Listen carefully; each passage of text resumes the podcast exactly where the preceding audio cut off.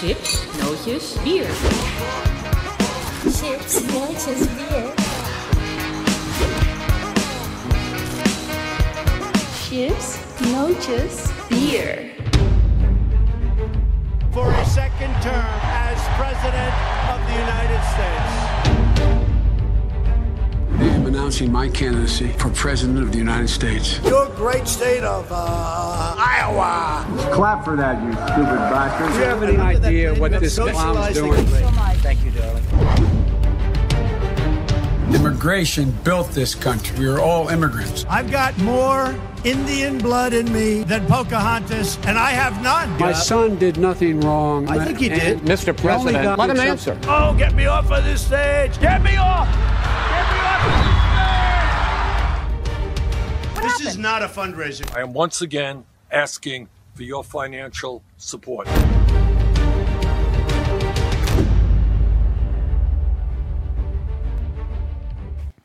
Goedenavond, het is 9 uur, het is donderdag, dus het is chipsneus. Zo, de chipsnootjes en bierkroeg die is weer geopend. Want u kunt niet naar de kroeg, dus brengen we hem gewoon naar u toe. En vandaag als speciale gast, weer eens een keer iemand van de NPO. Hij is journalist voor 3 voor 12. Hij heeft een hele gekke fetish voor foute Nederlandstalige muziek... die volgens hem eigenlijk geen hit hadden mogen worden. Hij heeft een bijzondere podcast, De Machine... En hij zit hier bij ons aan de bar als winnaar van de Popmediaprijs in 2014. Atze de Vriezen. Wat een applaus. Ongelooflijk, Ja. ongelooflijk. Hoe is dat? Want je bent zelf een podcastmaker om nou een keer aan die kant te zitten. Ja, leuk man. Ja. Ja, nee, ik, ik, eh, ik vind het leuk, podcasten. En eh, ja, laten we, het, gaan- laten we het gaan doen vanavond. Ja, laten we even een keer aan de andere kant. Ehm, Zeker. Geef me vooral een tip af en toe. Het is voor mij nog een beetje nieuw. Ehm, maar wat ik wel zat te denken, valt er nog überhaupt wat te vertellen? eh, nu eigenlijk de hele muziekindustrie op zijn gat ligt. Nou, ik moet zeggen, ik vind het geen saai jaar hoor. Nee. Kijk, het is natuurlijk een ongelooflijk dramatisch jaar voor al die festivals en al die mensen die concerten willen organiseren. Maar er valt genoeg uit te leggen en, eh, te duiden. Dus eh, ik, eh, ik vind het een verrassend jaar. Dat mag ook wel eens. Ja, Rock'n'roll is ook pijn Zo is dat, en, ja. en dingen die misgaan. zeker. Ja, zeker. dus er is genoeg. Nou, daar, daar hebben we alle tijd om erover over te praten. Ik bied je zo wat te drinken, maar ik moet eventjes eh, de belangrijkste man van Geen Stijl voorstellen. Bijna twee jaar onafhankelijk. Twee jaar ondernemer. 16 jaar ouder geworden. 16 jaar ouder geworden is, ook- is ook te zien. Maar altijd mijn eh, steun en toeverlaat hier aan de bar. Bart Nijman. Hallo Tom. Sta altijd, altijd wat, toch wat... eh, Ja, het, het- Timide. ja, nee, dat is goed. Dat is prima. Ik, ik hoef geen applaus. Applaus voor de gast. ja, applaus voor, voor de gast. Als ze wat wil je drinken? Doe maar maar een biertje. Gewoon een biertje, jongen. Ja. Even kijken, weer een grote of een kleine? Nou, doe, dan maar, eh, nee, doe maar gewoon zo eentje. Gewoon zo eentje. Ja. Eh, Bart heeft al wat. Ik, ik begon één rondje eerder, ja. En jij eh, begon bijna niet vanavond, Tom. Gewoon, Nee, eh, Bart. Goed, nou, zullen we het maar even vertellen. Z- zoals je misschien weet, jij en eh, de kijker misschien niet, ben ik vrij zwaar suikerpatiënt. Ik heb een insulinepomp aan mijn lijf hangen. Dat is een soort eh, omgekeerde Tamagotchi. Eh, die moest je in leven houden, ik hou de mijne in leven. en dat ging, eh, eh, eh, dat ging even mis op het station vandaag. Ik kreeg een gruwelijke hypo. Ik krijg dan ook de bijnaam Hypo de Clown. Bah, god, de wedstrijd slechte grap is weer begonnen. En, eh, dat, en dit was een hele, hele heftige. Dus ik lag echt eh, eh, gestrekt op het eh, Centraal Station in Amsterdam vandaag. Ik heb jou een dramatische voice memo gestuurd. Ik heb, help, eh, help. Ik heb wel eens wat hypo's van je meegemaakt, maar dit was de eerste keer dat ik echt schrok. Ja, Maar je wilde hem laten horen, toch? Die, die Ja, voice dat- memo. dat snap ik. Ja, ik zocht nog een foto op, maar misschien vind ik hem zo meteen nog eventjes. Ik ga zo nog even zoeken eh, hoe, hoe erg dat kan zijn. Maar het is wel, ja, dat was even kloot. Maar ik wil wel eventjes echt mijn dank uitspreken naar de mensen van de NS. Ik beloof echt nooit meer zwart te rijden, want jullie hebben me heel goed geholpen. Want uiteindelijk ben ik er bovenop gekomen door een bak patat oorlog, een blikje cola, AA, een snicker en een zak pepernoten. En toen was ik er ongeveer weer en toen ben ik opgehaald. Eén tip trouwens, Bart. Eh, dit, deze wordt heel slecht. Echt, eh, als ik nou, eh, weet je wat je moet doen als ik een hypo krijg in bad? Nou, De vuile was erbij gooien. Zo, nou, we zijn er mensen. Maar neem maar serieus. Ook eh, Rob, die me eh, heeft begeleid, me zware spullen heeft gesjouwd, wil ik bedanken. Die jongen die me suikerzakjes bracht ook. Echt eh, heel erg lief. En de dames die niet voor me op plek wilden maken, omdat ik even wilde zitten, omdat het zo slecht ging. U kunt van mij de tering en de tyfus genieten. Goed, we zijn er weer. Eh, we gaan het uitgebreid Eh, over hebt- cultuur hebben. Hè? Je hebt in ieder geval je hoofd nog, wil ik maar meteen Ja, ja, slaan. ja, ja dat, dat, dat nog wel. Eh, maar we gaan het over cultuur hebben. Maar niet voordat we het nieuws van de dag hebben besproken. Dat willen we redelijk kort houden, omdat het gewoon geen leuk nieuws is. En dat is Frankrijk. Het blijft daar doorgaan. Ja. Frankrijk is gewoon op dit moment een doelwit voor terroristen. Ik heb me vorige week hier al, toen Arthur van Amerong hier zat, een beetje laten gaan. Omdat toen Samuel Paty natuurlijk de Ja. hele nasleep.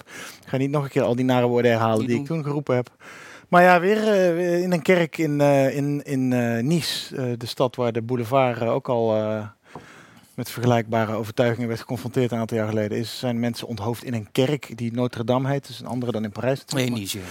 Maar ja, dat eh, weer eh, islamitisch motief, dus lijkt het erop. Eh, Tunesiër las ik. ja, is Ja. door de politie eh, koud gesteld, letterlijk en figuurlijk. Is hij overleden? Ik geloof Ik dacht, dat ik dacht dat hij in het Nee, nee, ziekenhuis nee, lag. nee, die- in Oh. Avignon is overleden. Is Oh ook ja, daar iemand gebeurde vervolgens ook nog. dat Ja, sorry. Ja, nee, ik had, ja, precies. Ja. En het ergste is een beetje dat je er niet echt meer van opkijkt. Eh, nog steeds wel schokkend en zo natuurlijk, maar Ja, ik, het gebeurt al een paar jaar. Maar ik wil, het- ik wil het heel kort houden, want ik heb helemaal geen zin om weer over Nee. het onderwerp te gaan, over muziek en over Ja, eh, uitgaan. Ook al kan dat niet, kunnen we er toch een leuker onderwerp van maken dan eh, weer die eh, stomme islam. Het positieve, ik ga iets positiefs zeggen daarover, was dat de Macron heeft natuurlijk gezegd: we gaan de strijd aan met de vijanden van de Republiek. En de burgemeester van Nice heeft vandaag gezegd: van ja, we gaan je niet voorbuigen, we gaan dit opruimen, we moeten er iets tegen doen tegen dit extremisme. En in Nederland hebben de politici niet Mark Rutte, maar wel Klaas Dijkhoff, Gert-Jan Segers en Sigrid Kaag. Alle drie in een tweet, want ze sturen altijd van die fijne empathische tweetjes. Ja, toch een keer het woord islamitische als bijvoorbeeld naamwoordvoorzitter En daar werd er vorige week echt nog om geschreeuwd, hè? Door, heel veel mensen die zeiden joh, noem nou, noem nou wat het Noem is nou eens in, man en in zo'n ja. tweet. Ja. En het klinkt misschien ook een klein beetje als een soort flauwigheidje van dit wil rechts of extreem rechts of we willen dat horen, weet je wel. Maar het is toch significant, want pas als je benoemt uit welke hoek het komt, kun je ook gaan wijzen waar het vandaan komt. En dan kun je ook de moslim-extremist of het moslim-extremisme scheiden van de vreedzame, participerende, eh, niks aan de hand moslim, zo gezegd, die ook gewoon in een lycée had rijdt en eh de modieus grootste groep ook. ja, de grootste groep. Die, en die heeft daar last van en die eh, leidt daar ook onder. En, eh, en wij moeten staan voor de waarde van de vrijheid, et cetera. En dat begint bij het benoemen van de vijanden en opponenten daarvan. En Frankrijk heeft die stap gemaakt. En in dat opzicht verbaast het me niet dat er dan een soort retaliation komt, wraakoefening. Zeker met wat Erdogan allemaal geroepen heeft afgelopen week over Frankrijk en over Macron en over Wilders. En die strijd is voorlopig nog niet gestreden, maar die begint wel met gewoon de vinger wijzen naar daar zit het. En die rotte plek moet eruit.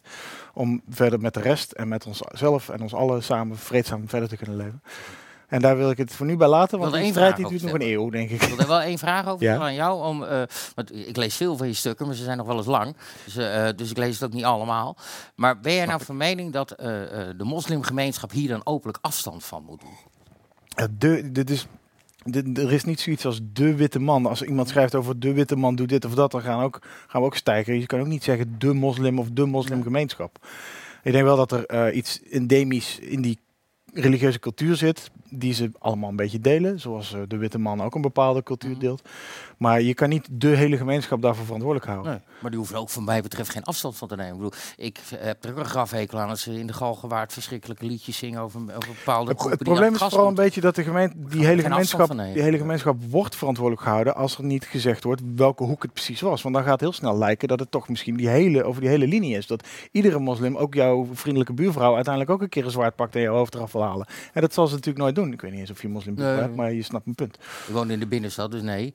Maar, het, eh, ehm, maar, nee, maar het is dat? wel wat, wat je vaak hoort. Hè. Dus Ze moeten er afstand van nemen, opening. Ik, denk, oh ja, ik, ik ga er ook echt voor het grootste gedeelte van uit dat, dat, dat men daar De, afstand, nee, afstand nemen heeft net zoveel zin als vlaggen projecteren van een land op een gebouw. Daar los je dat hele probleem niet mee op. Probleem los je vlag op over je profielfoto. eh. op door te wijzen naar het komt. er- Wat er na Paty gebeurde is dat er een moskee die, die, eh, die de oproep van tot geweld tegen die leraar verspreidde, dat ze gewoon daar naartoe gingen, dichtgespijkerd hebben, briefje aan de deur, dit is klaar.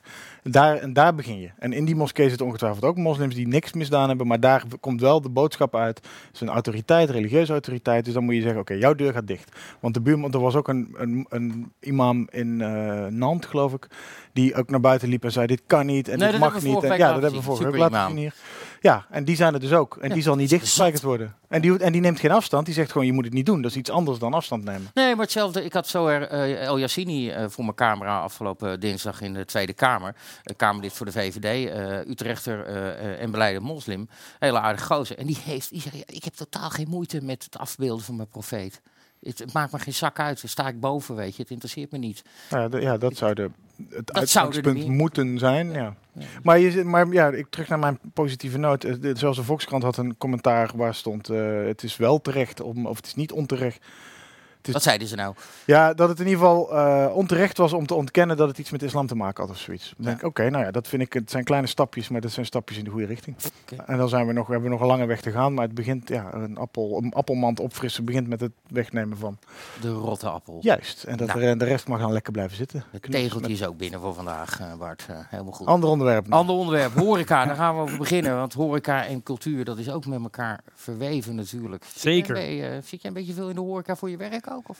Eh, voor mijn werk? Nou, nee, ja, concerten natuurlijk. Eh. Dat is natuurlijk een apart stuk horeca. En eh, er wordt altijd een beetje naar elkaar gekeken. Hè? Zeker ook in zo'n stad, in de binnenstad, waar je dan een gesubsidieerde popzaal hebt, die bijvoorbeeld ook nog nachtdingen doet. Ja, we hebben het over Tivoli nu toevallig. Tivoli Ja. bijvoorbeeld. Hè? kroegen die, die ook graag een nachtprogramma doen, een dansavond, weet ik veel wat. Die, die, die kijken toch altijd met een zekere jaloezie naar, ehm, naar die gesubsidieerde zalen. Nou, is in zoverre terecht dat... ehm, kijk, ik, ik, ik ben niet tegen het subsidiëren van mooie popzalen of concertzalen in, in een stad. Wat je nu alleen ziet, is dat het ook een beetje omgedraaid wordt. Hè? Dus de, de, de cultuur, en als je dan even cultuur en horeca even, voor het gemak uit elkaar trekt... dan zie je dat er natuurlijk ook een deel cultuur eigenlijk in die horeca zit. Bijvoorbeeld bij nachtclubs. En die worden nu in het hele verhaal vanuit de, de overheid, hoe gaan we de cultuur redden, worden die eigenlijk vo- volledig genegeerd. En dat vind ik alvast een heel lastig punt. En dan zie je, zie je dus eigenlijk ook dat het feit dat er een deel cultuur is die zichzelf kan bedruipen, dat dat nu eigenlijk een beetje afgestraft wordt. Dus het geld wat vanuit de overheid eh, naar, eh, aan steun naar culturele instellingen gaat, gaat natuurlijk naar die grote, ja, die kroonjuwelen van het subsidielandschap eigenlijk. Hè? De, de, de schouwburgen, de, de, het concertgebouw. Die eigenlijk de- wel heel veel subsidie krijgen. die al heel veel subsidie krijgen. En die natuurlijk niet voor niks. Hè, er wordt gekozen dat dat belangrijke in- instituten zijn. Dus natuurlijk wil je die op dit moment overeind houden. Maar ja, er zit toch iets heel erg scheefs. Ja, nee. Dat- Want degenen die hun eigen creatieve plan maken en hun eigen ondernemerschap aan de dag leggen, die hebben nu niks. Precies, ja. En Nou is het wel deze week eh, bekend geworden dat er een nieuwe aanvulling komt op de steunpakketten die er al geweest zijn. Hè. Er, er wordt bijvoorbeeld 40 miljoen uitgetrokken voor evenementen. Ja, dat, dat is best wel een interessante stap waar ook wel flink om ge- gesmeekt is vanuit de cultuur. Ja, maar is, is dat- 40 miljoen genoeg? Wat doe je met 40 miljoen in een land dat barst Ja. van de evenementen in een gezond Ik jaar? geloof dat ze uitgerekend hadden dat dat neerkomt op ongeveer 14.000 eh, euro per evenement. Hè, ze gaan uit van een... eh, Dat is niks. nee, dat is... Dat, eh, En, en men, men, men rekent ongeveer Want ze gingen 800 uit- ja. bedrijven, maar tot, tot de evenementenbranche. Dat Ja, lijkt die- me ook een hele lage schatting. Ja, ik geloof dat er alleen al eh 12, 1300 eh, muziekfestivals in Nederland zijn. Dan heb je nog filmfestivals, theaterfestivals, weet ik veel wat allemaal. Kermissen. Kermissen, die vallen daar ook inderdaad onder. Dus ja, ik kan me niet voorstellen dat dat genoeg is. Maar aan de andere kant, eh, kijk, je ziet natuurlijk dat heel veel van dat soort bedrijven zichzelf langzaam een beetje in slaap gaan sussen, toch? Ja. Men- mensen weg en eh, hopen dat het bedrijf straks nog bestaat. Ja, goed. we, ehm, eh, de- de- Maar waar, kijk, blijf- waar blijven die mensen in de tussentijd? Ja, die gaan naar het UWV. Die krijgen dus gewoon een uitkering. Ja, ja, dat gaat ook geld kosten. En, Ja, linksom of rechtsom moet het betaald worden Ja, die klappen die gaan echt, er gaan heel veel, vooral die kleine zaken, gaan gewoon echt omvallen. En laten we, maar laten we misschien heel eventjes terug gaan, dat, ongeveer kleine twee weken terug naar de persconferentie waarin Ja. onze nieuwe gedeeltelijke lockdown werd eh, aangekondigd. In stadje 1 alsjeblieft. Wat er allemaal gebeurt in die sector om de anderhalve meter aan te houden. Ik begrijp dat en ik doe daar ook helemaal niets aan af. Maar dat is wel ook meteen precies het punt. Het gaat niet om één sector, het gaat niet om één bedrijfstak en het gaat ook niet om één vorm van vrije tijdsbesteding. Het gaat om de vraag aan welke knoppen we tegelijkertijd moeten draaien om het aantal sociale contacten te verminderen. De hamer waarmee we het virus moeten platslaan, moet groot genoeg zijn om dat nu ook echt te bereiken. En dat is een optelsom en dat is geen keuzemenu. De cafés en restaurants gaan weer dicht. Dus ook de terrassen en dat geldt ook voor de coffeeshops. Dat is een keiharde dopper. Maar we kunnen er niet omheen. Hoe hard de horeca ook werkt om aan alle eisen te voldoen. Ja, het is waar dat het aantal clusters van besmettingen in de horeca relatief beperkt is. Maar het gaat wel meteen om grote groepen En het gaat ook om heel veel contactmomenten. Een cluster in de horeca kan namelijk uitschieters hebben tot 380 besmette personen. Dat, dat, uh, wat, wat mij opvalt, of wat mij opviel aan die persco, is dat hij dus zegt dat de horeca eigenlijk niet de grootste boosdoener is. Maar horeca krijgt wel de short end of the stick in dit verhaal. De short end of the stick? Short heb, end heb, of the stick. Daar heb je vast wel een goed Nederlands woord voor. Uh, ja, maar niet paraat. Okay. maar de horeca moet boeten eigenlijk voor, voor het feit, terwijl Rutte zegt, ja, daar zit niet het grootste deel van het probleem. Dat vond ik nee, maar hij zegt natuurlijk wel van ja, als er een keer iets misgaat in de horeca, dan zijn het wel clusters. Hij noemde 380 geloof ik. Hè? Ik ja, weet niet op welk geval dat precies gebaseerd is, maar er zal kennelijk een geval de, zijn. De scholen bleven open en als daar een besmetting is, dan zijn die clusters misschien nog wel groter als een vliegtuig, et cetera. En die blijven ook vliegen. Ik snap, ik snapte destijds, uh, dit is de persco van twee weken terug, tweeënhalf ja. weken terug. Uh, dat als je de scholen sluit, leg je echt de economie stil. Want er zitten al die kinderen thuis, kunnen die ouders geen kant meer op. Uh, thuiswerken wordt verstoord. Het is allemaal heel stressvol, alles via Zoom. Snap ik wel. Uh, vliegveld, vliegtuigen hebben de economisch belang, maar ook een hele sterke lobby. Uh, als die omvallen, dan stort er een enorme supply chain in. Snap ik ook ergens nog wel. Maar toch kiezen ze er dan niet voor om, om de horeca ook een soort pass te geven of nog een beetje speling. Want dat moest gewoon meteen helemaal zou je dan willen? Nou ja, die terrassen die bleven open. Uh, minder mensen binnen was ook allemaal redelijk goed ingeregeld inmiddels. En toch krijgen die dan te horen van ja, nou, jullie moeten dicht. Ook al is daar niet het grootste probleem. Ik vond dat, ik vond dat opvallend. Maar wat, had je dan, wat, had je dan, wat had je dan gedaan? Kijk, ik snap wel dat ze zeggen van ja, eh, de plekken waar veel mensen zijn, daar uh, liggen de risico's het hoogst. En zeker op het moment dat mensen en dat is natuurlijk een beetje de, de, de, de sleutel in het beleid wat ze nu aan doen zijn. Hè? Alcohol is een beetje de sleutel. Overal waar alcohol is, dat moeten we, dat moeten we niet willen. Uh, dan moeten we op tijd dicht doen, want dan, dan wordt het gevaarlijk als het ware. Christus snap ik dat wel. Was. Aan de andere kant zie je, zie je, je, merkt ook dat dat natuurlijk heel veel vrevel oproept. Mensen willen gewoon een, een, ja, iets leuks doen met elkaar. Of dat nou thuis is of in een bar of wat dan ook. Dus daar Juist nu, zit heel veel de afleiding is groot natuurlijk. Mensen zoeken, mensen zoeken per definitie vertier en ontspanning. Maar in zo'n jaar als dit wil je juist ook niet opgesloten worden met al je zorgen en stress en onzekerheid. En maar het is ook wel een stukje, denk ik, uh, een, een, een teken afgeven. Want die horeca, dat is natuurlijk overal het hart. Daar kom je samen. De, uh, ja. dat, is, dat is misschien toch ook wel een beetje dat verkeer tegenhouden, aangeven. Jongen. Ja, de boot... Het is echt serieus dat het ook wel een beetje die boodschap is. Het is alleen heel cru voor die horeca. De onderliggende boodschap is, het is niet het jaar om allemaal plezier te gaan maken. Het is het jaar om even man up en uh, uitzitten dit en samen doen. Ja, ja en nee, want je zou ook kunnen zeggen, uh, het heeft eigenlijk vrij lang geduurd voordat ze het weer allemaal dicht deden. Want het gaat stapje voor stapje. Ja, dan moeten ze eerst uh, om 12 uur dicht en dan moeten ze ja. om 10 uur dicht. En dan, moet het, dan moeten de supermarkten mogen geen alcohol meer verkopen na 8 uur. En ik zie in, bij, de, bij de supermarkt om de hoek moeten ze elke keer weer al die rekken met uh, chocoladeletters en pepernoten voor de wijn zetten. en dan ja, dat is, het gaat steeds stapje voor stapje. Terwijl je kunt je dus afvragen, hij heeft het dus over die hamer. Nou ja, je kunt ook zeggen, je moet gewoon echt hard slaan met die hamer. Dan kunnen we misschien eerder weer open. Dit is allemaal een keuze. Ja, maar jij bedoelt dan gewoon even een volledige lockdown, zes weken Ja, ik weet niet of dat een goed idee is. Maar ik kan me voorstellen dat dat vanuit de, bijvoorbeeld de cultuurwereld... Uh, dat, dat er wel mensen zijn die denken van ja, doe het dan, doe het dan zo. Want nu worden we eigenlijk langzaam gewurgd. Terwijl we willen gewoon zo snel mogelijk weer de cultuur en de horeca hebben er baat bij dat het zo snel mogelijk weer dat niveau ja. van die besmettingen laag is. Maar denk je dan niet, Adse, dat zo'n volledige lockdown ook slechts een pleister is? Dan gaat het even goed. Dan gaan we weer langzaam open. Dan zitten we nog steeds uh, in de winter en dergelijke. Dat virus, en dan gaat het weer omhoog. Dat, we niet, dat het toch echt gewoon een vaccin is wat we nodig hebben, een medicijn. Ja, nou, uiteindelijk is dat natuurlijk waar we naartoe moeten. Al denk ik eerder, eerlijk gezegd, en daar zie je gelukkig ook wel een beetje vooruitgang in geboekt worden, dat een sneltest veel uh, uh, betere optie is voor de horeca. Een way out, dat is nou echt een way out. Ja, maar, okay. maar dan komen we op het punt dat er dus al horeca of grote zalen en zo al voorgesteld hebben bij de regering dat ze dat konden of wilden gaan doen en daar werd niet echt naar geluisterd. Nee, tot nu toe werd daar niet echt naar geluisterd. Maar er is uh, gisteren een brief van de minister geweest waarin best wel uitgebreid aandacht was voor, uh, voor sneltest. En ook voor de, de, de, de, nieuwe innovaties die eraan zitten te komen. Dan gaat het onder andere over die, uh, die antigeentest, maar ook over die mhm. blaastest. Die blaastest, toen ik daarover las, dacht ik van ja, dat is, dat is een soort broodje aap verhaal. Dat kan niet waar zijn dat, dat, dat het zo makkelijk. Dat is echt zoals dat je als je hier aan de bar eh, gaat eh, blazen of je, of je nog mag rijden. Je weet eh, na een paar seconden of dat zo is. Nou, er is dus zo'n ding wat in ontwikkeling is. Dat zit nu in het validatieproces. En daar, daar schrijft eh, Hugo de Jong ook over in die brief die gisteren naar de Kamer is gegaan. Daar hangt ook weer een OMT-advies aan vast. En dat OMT zegt dan van ja, we, we moeten er heel terughoudend mee zijn. Maar het is wel voor de eerste keer dat Hugo de Jonge in een brief aan de Kamer schrijft dat sneltests een optie zouden kunnen zijn bij, om in te zetten bij evenementen. Dus de, de, de horeca- en de evenementenbranche vraagt daar eigenlijk al maanden over. Laat ons daar nou mee experimenteren.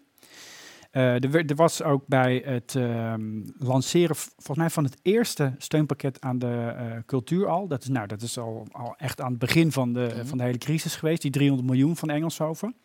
Werd gezegd, ja, we gaan field labs doen. Dus een soort experimenten met eh, alternatieve manieren hoe we crowds eh, toch binnen kunnen laten en hoe, hoe kunnen we dat nou gaan doen. Die field labs heb ik vervolgens eigenlijk niks meer van gehoord.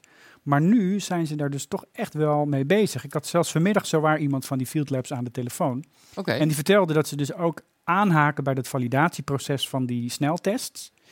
Dus op het moment dat een sneltest dus eh, veilig genoeg geacht wordt om, om, om te gebruiken, ja, dan willen ze kijken in hoeverre ze daar ook iets mee kunnen eh, in eh, evenementen. Dus stel je voor, je gaat straks naar eh, Lowlands, gaat volgend jaar door, je gaat Ja. naartoe. Er wordt ernaast dat er wordt gekeken of je niet drugs bij je hebt Ja. en niet te veel drank. Moet je ook nog even blazen of je geen Ja. corona hebt. Ja, nou ja, kijk, en nou is het zo dat die, die tests, die zijn natuurlijk, de verschillen natuurlijk weer in betrouwbaarheid. Hè. We hebben, het gaat de laatste tijd veel over die PCR-testen, dat die niet betrouwbaar genoeg zouden zijn. Nou, toch lijkt het erop, althans dat is hoe ze er bij, eh, bij het kabinet naar kijken, dat die PCR-test nog steeds het, het, de beste uitslag biedt. Maar wat ze natuurlijk willen doen, is met die sneltests een soort van eerste schifting maken. Hè, het moment dat je dus eh, met een blaastest eruit komt dat je positief bent, nou, dan is het heel duidelijk. Op het moment dat je. eh, nou ja, dan moet je eigenlijk naar een soort tweede loket om te kijken of je echt positief bent. Ja, ja, dan doe je een serieuze test voor een... Dus je, je kunt dat nu natuurlijk niet doen, want er zijn veel te veel eh, besmettingen. Dus daar willen ze geen risico mee nemen. Maar op het moment dat die besmettingen heel laag zijn, dan zou je misschien wel kunnen zeggen: joh, we gaan dus een soort screening doen. Eh, en eh, ja, we nemen voor lief dat er een zekere foutmarge in zit en dat er dus mensen besmet kunnen worden. Maar ja, de besmettingen zijn nu laag, dus we kunnen dat ons veroorloven.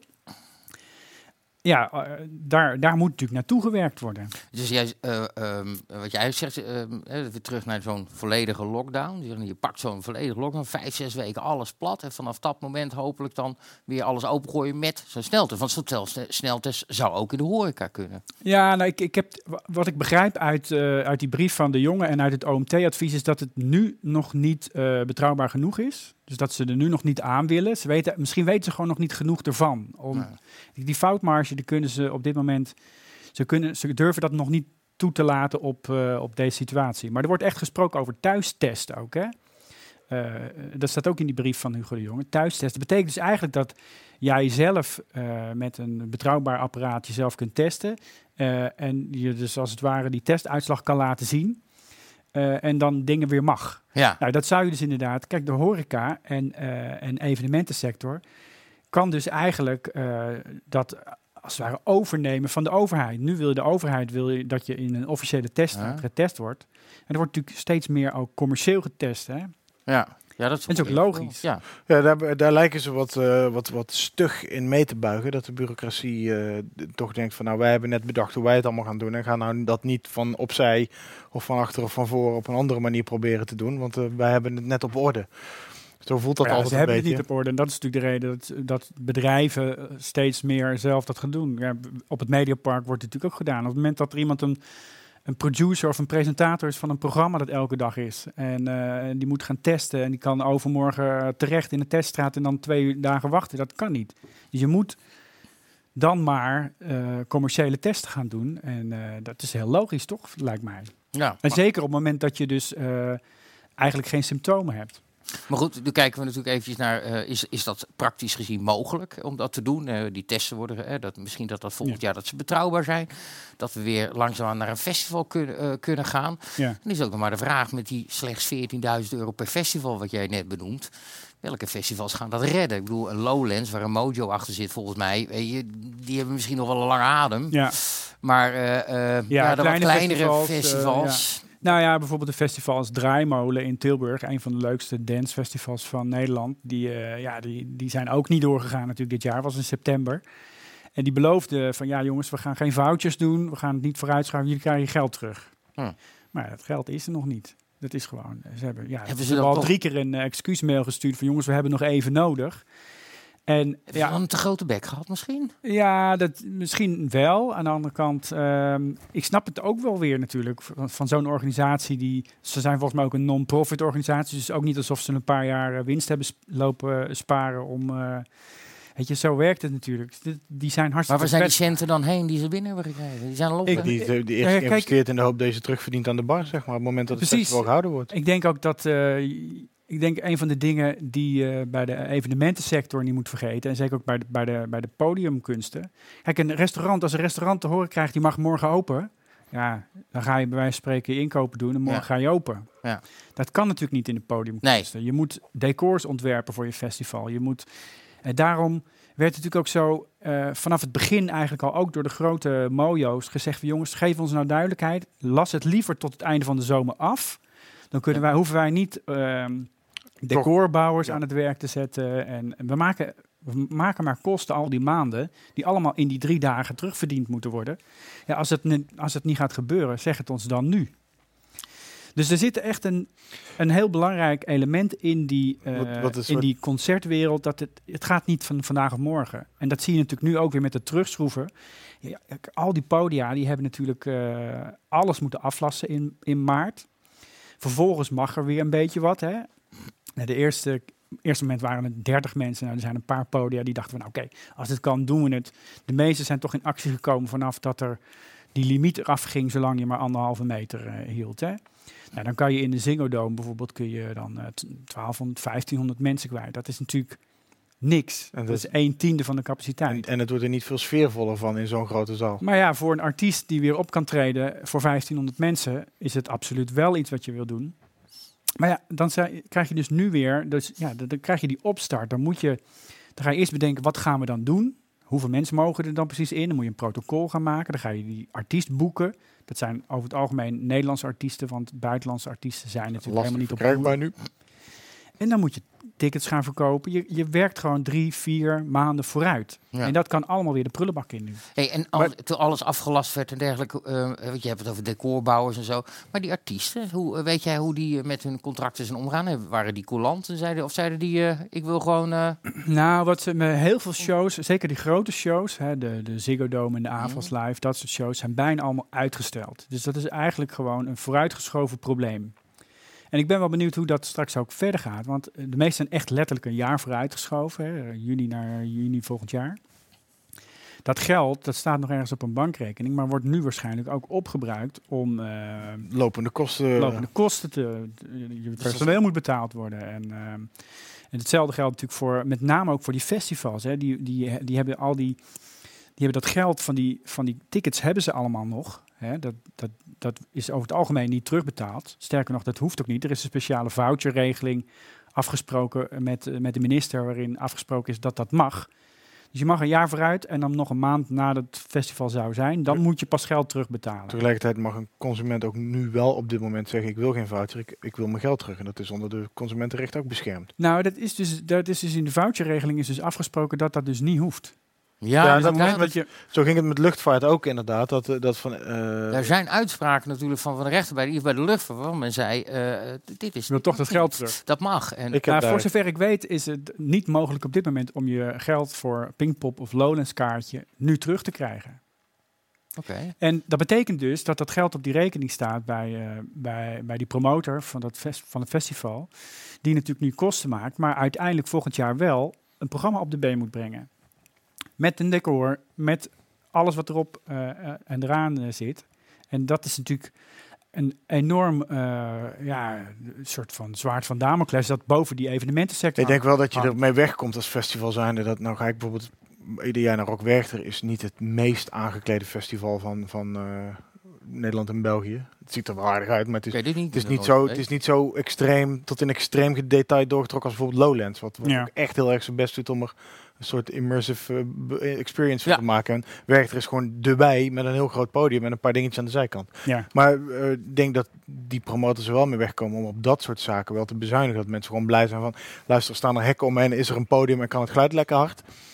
Prima als het tappen doet. Dan, Ja. eh, dan dat mensen daar wel sneller genoegen mee zullen nemen. Zeg maar. Ik denk niet, weet niet of je daar alle kosten mee kan dekken of alle onkosten mee kan verlagen. Maar hey, ook heel even terug naar wat je net zei. Dat eh, grote festivals natuurlijk vroegen van, eh, geef ons duidelijkheid of we deze zomer überhaupt nog wel mo- wat mogen doen. Ja. Ze hebben in de tussentijd wel wat standbouwers en, en decorbouwers en dat soort lui, ja, aannemersbedrijven rond festivals hebben daar wel nog wat geld van gehad een tijdje. Nou is dat festival dat natuurlijk kwijt, maar voor een wat kleiner bedrijf en toeleverancier is het misschien wel weer het verschil geweest tussen blijven bestaan en omvallen. Ja, ik denk dat, dat je je wat dat betreft meer zorgen moet maken om die toeleveranciers achter de schermen dan over de directe promotors van die festivals. D- d- daar lijkt het over het algemeen nog redelijk oké mee te gaan. Maar ja, als jij een lichtleverancier bent of een decorbouwer. Ja, heel veel decorbouwers zijn, het zijn natuurlijk creatieve mensen. Dus je zag meteen aan het begin dat die al allerlei gekke dingen gingen verzinnen om toch maar iets te doen. Wat gingen die verzinnen dan? Nou, die gingen meubels ontwerpen of eh, die gingen... Nou, bijvoorbeeld, er waren lui die zeiden van... ja, oké, we moeten dus eigenlijk moeten er dus anderhalve meter terrassen worden bedacht. Dan gaan wij eh, speciale bankjes bedenken... waar je in anderhalve meter eh, van elkaar kunt zitten. En bijvoorbeeld, ja, kijk, de horeca moest op een gegeven moment dicht... maar wat, wat mag er dan weer open? Dan ga je op een gegeven moment nadenken als decorbouwer... ja, wat, wat is dan het eerste wat weer mag? Dat is misschien niet dat leuke kleine eh, kroegje in dat steegje waar je eigenlijk wel op elkaar gepropt moet zitten. Nee, misschien moet je dan wel denken aan locaties meer aan de rand van de stad, op, eh, op die plekken waar al culturele broedplaatsen zijn, waar mensen in oude fabrieken waar heel veel ruimte is, wel wat kunnen. En dat zie je ook wel ontstaan, hè, dat, dat die plekken, dat, dat je daar eigenlijk op een vrij aangename manier wel kan zitten. En, ehm, maar ja, dat kan nu, nu even ook niet meer natuurlijk. Maar dat zag je in de zomer wel ontstaan, dat die plekken aangekleed werden en ook een beetje het festivalgevoel meekregen. Want in Utrecht eh, heb je de, bijvoorbeeld een grote loods, die heet de Metaalkathedraal. Ja. En een van de bekendste decorbouwers van het Nederlandse festivalcircuit, Triomf, die ging daar echt een soort van festival bouwen, waar dan horecaondernemers tijdelijk hun intrek in konden nemen. Nou, dat, dat zag je natuurlijk veel. Maar ik denk dat er ook heel veel mensen zijn die eh, normaal gesproken eh eh flight cases sjouwen, die nu gewoon in de bouw werken. Ja. En die gewoon, eh, Ja, ik zei gewoon, net, eh, gewoon aan, de, aan de bak gaan. Net zei dat mensen uit, eh, uit die cultuursector die nu dus zonder werk komen te zitten, dat die bij het UWV in de rij staan. En toen riep eh, onze geluidsman hier achter de tafel, die riep nee nee, die zijn allemaal inderdaad eh, tot aan fietsenmaker toe eh, zijn ze andere Ja. baantjes aan het doen. Het zijn allemaal handige mensen of creatieve mensen, mensen die met techniek dingen kunnen. Nou ja, Er zijn half- ook mensen die over het algemeen niet te beroerd zijn om iets op te pakken natuurlijk. Hè. Dus, Nee. die, die, Nee, die die zijn ook mensen die, zeggen van, nou, nou eh, la- la- weet je, er worden nu heel veel, eh, er zijn heel veel mensen die iets eh, thuis laten bezorgen. Laat mij dan maar zo'n busje rijden. Weet je wel. Ja, en, natuurlijk ook in de festivalwereld is ook. Je, je, hebt een beeld van eh, de bands, artiesten natuurlijk, ook een beetje van promotors en, en wat, de wat gladdere lagen van een organisatie, om het zo maar even oneerbiedig te zeggen.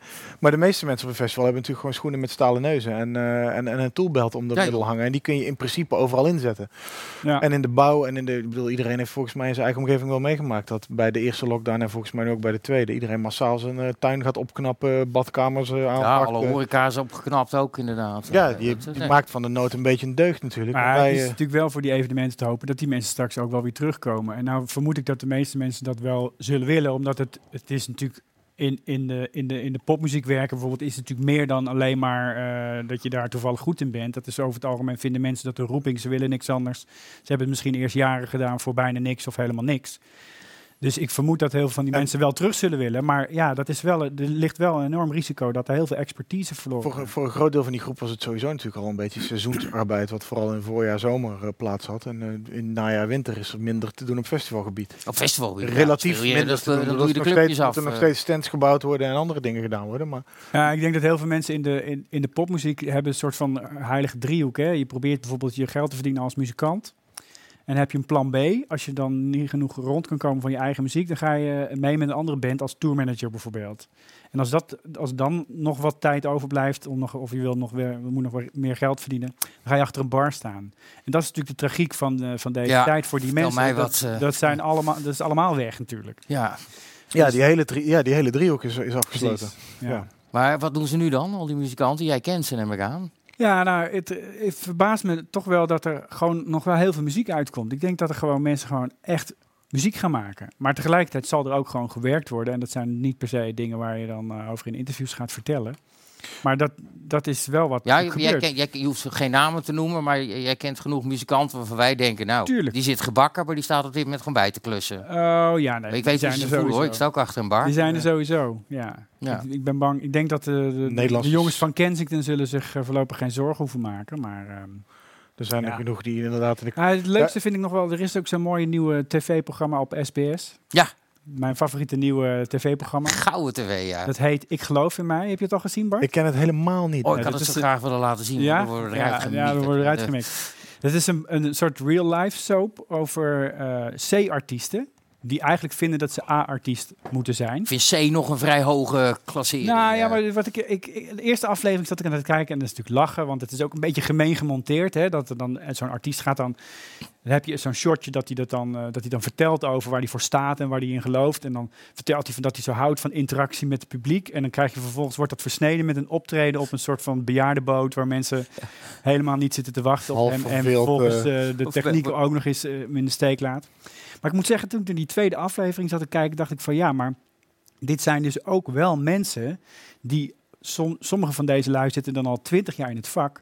Die verdienen waarschijnlijk 300 of, of 400 euro om ergens te gaan zingen in een kroeg of in een bejaardenhuis of weet ik veel wat. En dat is net genoeg om rond te komen. Dus dat zijn niet mensen die een crib hebben en die, eh, maar die, ja, die, die zijn natuurlijk helemaal de pineut, want die kunnen natuurlijk helemaal niks met het steunpakket. Daar, van, eh, daar kwam eh, oneer- weer een oneerbiedig sprongetje misschien, maar daar kwam dat Free the People, of dat ik doe niet meer mee bedoel ik, die hashtag kwam daar natuurlijk ook een beetje vandaan. ja, ja. Uit een bepaald circuit van BC-garnituur.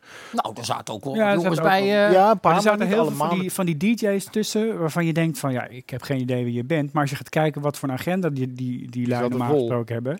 Die staan op al die regionale festivals. Ja, maar dat is- spelen ja. in, in clubs, discotheken. zwart draaien in de boerendisco in, eh, in de provincie. eh, eh, ook we- wederom kort door de bocht. ja, misschien, nee, maar, maar- maar die, ja, die dus ook niet echt een andere uitweg zagen. En Nee. ook misschien geen bij- bijbaantje hadden, omdat twee, drie avonden in de week DJ op feestjes en partijen in de achterhoek. rekeningen wel, Ja, gewoon Ja. prima de rekeningen. Ja, ik snap ook wel waarom juist in die hoek best wel veel van die skepsis eh, leeft. Omdat de, het, het was natuurlijk juist dat moment dat, er, dat we in die zomer zaten en dat er zoveel meer mocht en dat, er, dat de ziekenhuizen helemaal weer leeg waren.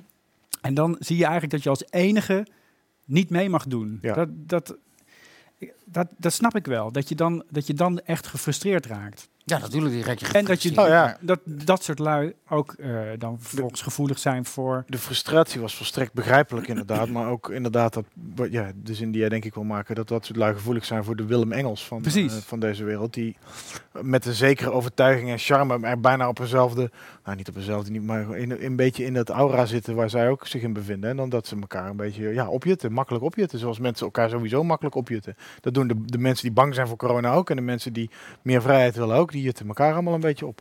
Ja. En Maar- dan krijg je dat, dat eh, sorry, dat, eh, dat zo'n ja, zo'n Famke Louise, eh, die natuurlijk ontzettend veel volgers heeft en een paar hits gescoord heeft, een bekende hip-hop muzikant is, die zit dan ineens aan tafel. Ja, ze is vrij bekend. Ja, ik, Ja, ik weet wie het is, maar ik wist niet dat ze hits had gescoord. Maar ja, ja, die heeft al een aantal aan hits, aantal hits op doen. Dat weet ik zelfs. Jezus, bak. En die, die zit dan vervolgens eens in een talkshow waar ze over een totaal ander onderwerp, wat heel ver buiten haar bereik ligt, geacht wordt te zeggen van ja, maar waarom, leg dan eens uit waarom je dan tegen bent. Ja, dan komt er, dan komt er ja, eigenlijk niks. was wel goud, ja. Maar dat is er, ik snap dat ook wel. Want dan zit, je, dan zit je inderdaad daar en dan heb je allemaal dingen gelezen die eigenlijk boven je pet gaan. En waarvan je als je het leest denkt van wow, is het echt zo? En dat, als dit zo is, dan, dan, is het echt heel, dan ben ik echt heel erg genaaid. Ja, Maar ja, we hebben even terug ook weer naar die, naar die festivals en zo. Ehm, we hadden een voorgesprekje natuurlijk vanmiddag. Toen zei ik van ja, heel veel eh, festivalorganisatoren, eh concertzalen, die voelen zich niet gehoord door de overheid met de ideeën die ze hebben aangedragen. Maar je gaf net wel aan dat er wel over die field labs Ja. nagedacht wo- werd. Is er dan een soort worst voorgehouden waar vervolgens niks mee gedaan is? Nou, met die, die field labs, daar is tot nu toe eigenlijk nog weinig uitgekomen waar we waar echt wat aan hebben. Maar het lijkt erop dat dat nu een beetje gaat gebeuren. Maar ik moet zeggen, kijk, we hebben natuurlijk eh Ingrid van Engelshoven, de minister van OCW, die heeft zich in eerste instantie heel erg zo opgesteld. Hè. Die, die hield het allemaal heel erg af. En tegelijkertijd kon ze toch met die portemonnee komen, hè, die 300 miljoen. En later nog een keer meer dan 400 miljoen erbij. Dus er wordt wel degelijk iets voor de cultuur gedaan. Alleen, er zit zo'n zo'n ehm, ja, zo weinig visie achter hoe je dat dan moet doen. Het gaat heel simpelweg gewoon hup naar de, de, de wat ik net al zei, de, grote jongens, grote ja. jongens de cultuurinstellingen die tot de kroonjuwelen behoren. Er wordt eigenlijk niet echt ge- gekeken naar andere vormen van cultuur dan die normaal gesproken. Kijk, laten we het zo zeggen. Dat je een orkest moet subsidiëren, dat snap ik wel. Want dat, is, dat, dat kost veel meer geld dan dat het in de markt kan opleveren. Een DJ is eigenlijk, een vrij, is eigenlijk gewoon vrij marktconforme cultuur. Die kunnen we gewoon betalen met z'n allen. Dus dat doen we ook. Daar hoeven we verder geen overheidssteun in te steken. Tenzij je misschien zegt van nou we gaan Amsterdam Dance Event steunen. Want we gaan een talentontwikkeling doen. Zodat we meer van die topartiesten kunnen krijgen. Maar je ziet dat dat nu dus tegen ze werkt. En je ziet ook, kijk, eh, cultuur, als je het vanaf boven bekijkt en vanuit, vanuit de mensen die subsidie eh, geven, lijkt wel een beetje alsof het iets moet zijn waar je op een stoeltje naar gaat zitten kijken. Terwijl er is ook een hele grote vorm van cultuur waar je in leeft, waar je in beweegt, waar je in loopt. En dat, ehm, dat wordt helemaal niet gezien. En ik snap wel, en dat heeft ook die ra dat raakvlak, die, die, die overlap met de horeca. Eh, eh, ik denk dat, dat je wat dat betreft eh, nu in een ander soort situatie zit dan normaal als minister van Cultuur. Normaal als minister van Cultuur moet je kijken welke dingen kunnen niet bestaan zonder dat wij als overheid daarin investeren. En welke vinden we dan zo belangrijk dat we dat moeten doen. Maar nu heb je een andere situatie waarin je moet kijken ook naar vormen van cultuur die normaal gesproken zichzelf prima kunnen bedruipen, maar, die nu dat niet kunnen. Nee, maar... eh, eh, En dus nu ook niet in het, in het cirkeltje zitten waar ze normaal gesproken Precies, langslopen. Om. En dan heb ik ook nog, denk ik ook nog een, eh, dat een beetje dat een, een, een wat naar rechts hangende regering niet bij het woord we moeten iets met de cultuur denkt. Oh, hier heb je een paar honderd miljoen. Dus die van Engelshoven had ook niet meteen die speling, zeg maar. ja, Het is dat- een beetje een halve zelfstrijd Nee, er komt dat- nog een factor bij, denk ik. Want je hebt ook nog, kijk, het gaat nu met name ook over die dancewereld. En dan heb je natuurlijk een, eh, een grapperhaus die de afgelopen jaren al behoorlijk vaak kritisch, kritisch is geweest. Die over wilde al minder Die wilde minder festivals. Die vindt, het, die vindt het eigenlijk allemaal volgens mij wel best dat het allemaal... Ja, dat, dat gevoel een kreeg ik heel erg bij dat geen alcohol na acht uur. Ik denk, nou, dat is het christenhoekie van het kabinet wat eh, daar, daar Ja. een beetje de zeden wil preken. Nou, wat dat betreft zou je denken dat als dat zo is, dat ze daar misschien een beetje mee zouden vlaggen. Maar dat eh, wordt... Dat, Nee, dat- dat CDA doen is, ze dan. is, is wat dat betreft echt wel op, op deugdkoers eh, qua eh, drugsgebruik. Uh, Grapperhaus heeft er een grafhekel aan. Maar ook eh, eh, een paar weken terug een dame van het CDA die roept van eh, alle prostitutie moet, eh, moet, moet verboden Ja, dat, worden. dat is altijd al natuurlijk. En, de, en prostitutie is niet echt festivalwereld of Nee? de- dance. we- Nou ja, ik weet niet. Is er ook een tent op Lowlands waar je naar de hoerenkant Moet je eens even Mosterd vragen. Maar dat is, een, eh, dat is misschien een beetje te hinkrout. Maar goed, dat, is, eh, dat is een ander verhaal. Nee, maar, eh, eh, er, is, dus, er zijn wel veel ideeën. We hebben net een idee gehad Ja. met, hè, met, dat, met, die, met die blaastesten. Ja. Ehm, dat kan je natuurlijk bij de horeca ook doen. Eh, je kan er bijvoorbeeld voor, toch voor kiezen. We gaan accepteren dat jongeren wel besmet raken. Ja. Maar we houden die oudjes in de risicogroepen, waaronder mezelf. Maar ik heb een grafhekel aan festivals, dus ik vind het niet erg. Eh, om dan, Je was er van de hardstyle? Ja, maar dan ben ik aan de drugs en dan trek ik een, Ah, mensenmassa. Ja. En, eh, en als eh, eh, ik, ga er ook niet mee. Ik ben 43. Als, ik, ga, ik ga niet met een hardstyle festival. Want je krijgt pijn in je nek van naar beneden kijken als je met iemand wil praten. Nee, ik, ik, ik, vind, ik vind dat vond ik zo vet te zien. Qua eerlijkheid, qua Ja. rauwheid. Hoe die met elkaar omgaan. Ja. Al die DJ's. Dat is werkelijk geweldig. Er zal nooit iemand een premix erin steken of wat dan ook. Ze zijn tof voor elkaar. Dat ging echt terug voor mij naar het raven. Dat even Ja. een persoonlijke dingetje. Maar je kan dus kiezen door te zeggen... we kiezen ervoor dat een groep jongeren wel besmet raakt. Die kunnen er over het algemeen goed tegen. Nou, er zal er eens een keer eentje miszitten. En we beschermen De- eh, die- je kan ook wel eens een verkeerde ecstasy-pil hebben. Precies, die heb ik ook regelmatig gehad. Dan lig ik dus plat op het Centraal Station. dat- Nee, oh nee, dat was de hypo. Maar, eh, eh, maar eh, eh, eh, en we beschermen die oudjes en die laten we voorlopig de kroeg niet ingaan. Ja. Dan heb je wel weer het risico, zei Bart vanmiddag terecht, dat ja, als, je dan, als die mensen eh, naar zo'n festivalletje gaan en daarna hun moeder opzoeken. Ja, en het, het, het gaat natuurlijk nog verder dan dat. Want we, we zitten natuurlijk nu in een situatie waarin als jij met je vrienden, of je het nou thuis hebt gedaan of op een festival of eh, onder, een, eh, onder een viaduct voor mijn part. Je bent naar een feestje geweest en je moet eh, testen omdat je een snotneus hebt. Alleen al heb je een snotneus. Ja, tuurlijk. Je kan, je kan eruit moet- ook even blazen. Dan moet ook je moeder thuis blijven, die misschien wel lerares is. En eh, ik- Ja. ik, denk dat ze dat, dat zeker na deze zomer, waarin ze toch de indruk hebben. We, we hebben natuurlijk gezien dat de aanloop van die tweede golf kwam doordat we meer jonge mensen besmet raken. Ik denk dat de kans dat dat protocol wat de horeca voorstelde aan het begin. Hè, van laat die jongeren nou gewoon naar die club gaan. En dan moeten ze maar even niet naar hun oma gaan. Ja, zo werkt het natuurlijk niet. Ik, ik acht de kans dat, dat het kabinet dat gaat toestaan.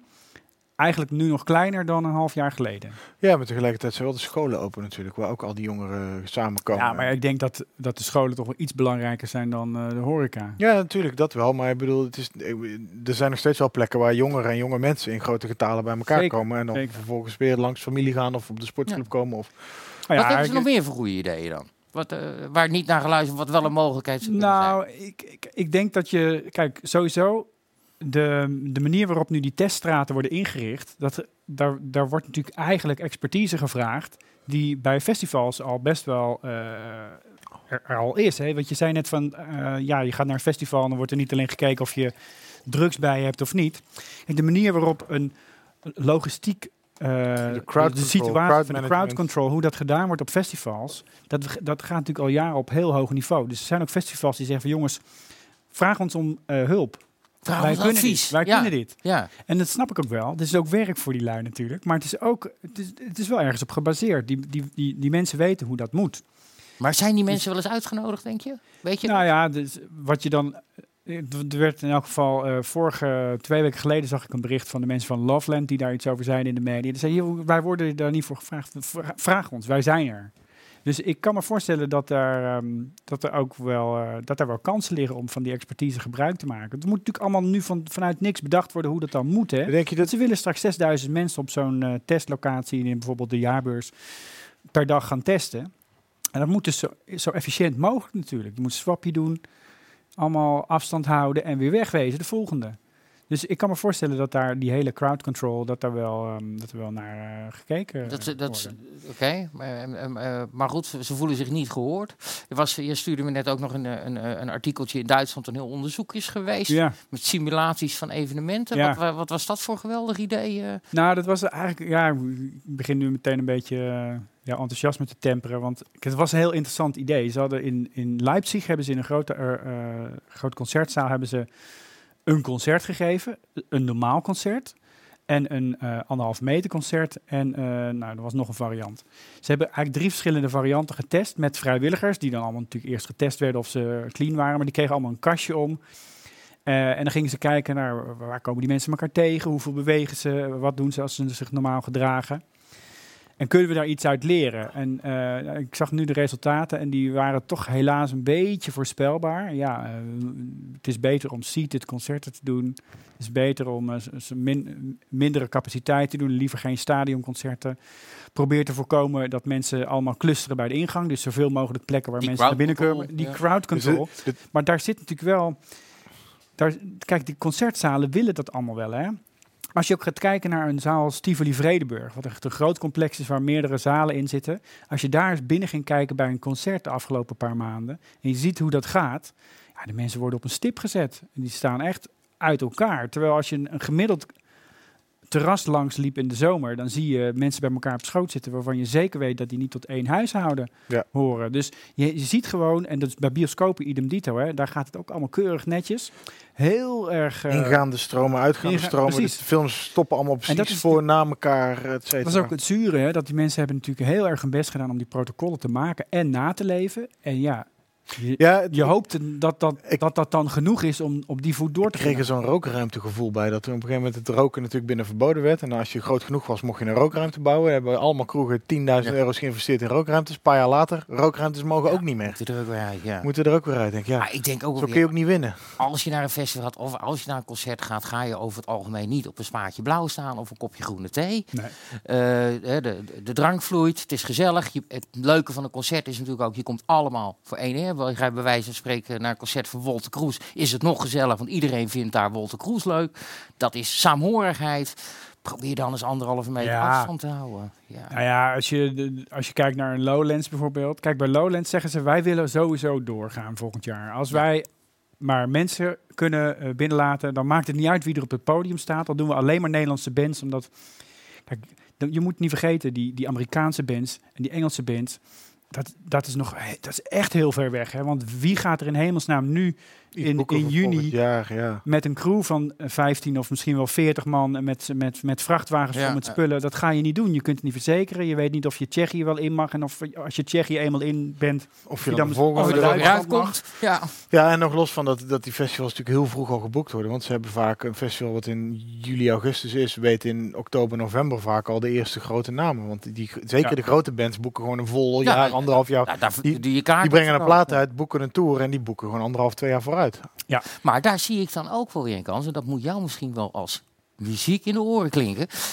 Ja, ik weet het, Bart. Is, eh, ik ben nuchter, dan krijg je dit. Ehm, eh, als je weet het, ehm, eh, als je zegt van nou, oké, ze gaan kiezen voor een Nederlandse band, misschien een Belgische Ja. en Duitse band, dat er een heleboel bands eindelijk een van keer kunnen een kans krijgen. Nee, dat is absoluut waar. En kijk, als je kijkt naar Lowlands. Lowlands is natuurlijk een... Ja, dat is, dat is het kroonjuweel van de Nederlandse festivalwereld. Die kan ook tegen je zeggen van, joh, als je bij ons speelt, dan wil ik niet dat je... Want wij zitten eind augustus. Ik wil niet dat je dan ju- juni en juli... Zo, vind je er Hij ook wat stijgt van? op zo. Ja. Dat je dan overal al staat, want dat, dat doen we niet. Maar dat zou volgend jaar zomaar anders kunnen zijn. De Lowlands gaat dan niet zeggen van jongens, jullie mogen niet bij ons spelen. Die willen gewoon wel die bands dan hebben. Dan gaan we eigenlijk wel een beetje terug naar hoe het vroeger was, misschien. In zekere zin wel, ja. dat Maar is ze- allemaal wat, wat, wat Lowlands wel zegt is, we gaan niet aan die anderhalve meter doen en we gaan niet seeded. Dat gaan we gewoon niet doen. Dat is niet. Lowlands. Wat jij net al zei, dat, dat heeft geen Je kan dus je moet een constructie, maken, je moet er eigenlijk een soort ring om dat festival heen bouwen. Een soort van veiligheids... De camping moet gewoon twee weken eerder open en iedereen die... eh, Ja, Dan zou je het doen? Twee weken is misschien een beetje lang, maar... eh, Nou ja, als, ja, ik denk wel dat ik, eh, ik, ik heb het wel echt. Je bedenkt in het begin een beetje van ja, god, het probleem, ja, snap het wel, we moeten aanpassen. Nou, dan slaan we een jaartje over. En hoe langer dat duurt, hoe meer je toch gaat missen. Van, ik had tickets voor de, voor de Formule 1 in Hongarije. Ik zou naar Werchter gaan en ik had verder geen zomervakantie. In het voorjaar zou ik vakantie. Maar, maar ook al die twee dingen die dan niet doorgaan, dan denk je toch van ja, ik had wat zou je over hebben voor zo'n Formule 1 in Hongarije? Nou, daar niet zo heel veel voor. Maar Voor voor, een, maar voor een Werchter of een Lowlands, eh, daar zou ik inderdaad best wel drie dagen eerder op een camping willen gaan zitten. En elke dag een test. Eh, ja, misschien wel. Ja. Op een gegeven moment wil je toch gewoon wel echt een keer weer zoiets doen. En dat is dan een soort noodzakelijk kwaad. Maar je weet dat als het... Nou, stel dat maar je stel je, de- stel als dat je dan zeggen, je moet, je moet een vaccin hebben. Eh, ja, dat, ja nee, dat krijg je een hele andere discussie. Want ik ben daar helemaal niet tegen. Als ze een vaccin hebben wat goed is, nou spuit het er maar in. Want ik, ga daar, ik ben daar helemaal niet eh, bang voor of eh, nerveus over. Maar je weet wel dat op het moment dat dat komt... En dat de eerste, de beste die zegt, je mag er alleen in met een vaccin... dan krijg je een hele house aan mensen die roepen... dat doen ze expres en de controle. en jammer dan. Chip dan erin, ja. Ja, en dan kun je natuurlijk inderdaad zeggen, jammer, dan kom jij er niet in. Maar ik bedoel, dat, het zijn twee hele verschillende discussies. Want degene die dat wel willen doen, ik, ik zou me niet, laat ik het zo zeggen, ik zou me niet omgekocht of gechanteerd voelen als, ik, als dat de eis was om iets te kunnen doen wat ik gewoon heel graag zou willen doen een keer. Maar ik moet eerlijk zeggen, kijk, er zijn mensen die zijn daar dan bang voor. Van, dan mag ik alleen met een vaccin naar Lowlands. Maar ik denk eerlijk gezegd dat dat niet per se nodig zal zijn. Want kijk, wie ga je vaccineren? De mensen die het meeste risico hebben. Net zoals, Ja, ne- net zoals met een griepprik. Je Ja. gaat niet iedereen een griepprik geven. Maar je geeft mensen die kwetsbaar zijn, geef je een griepprik.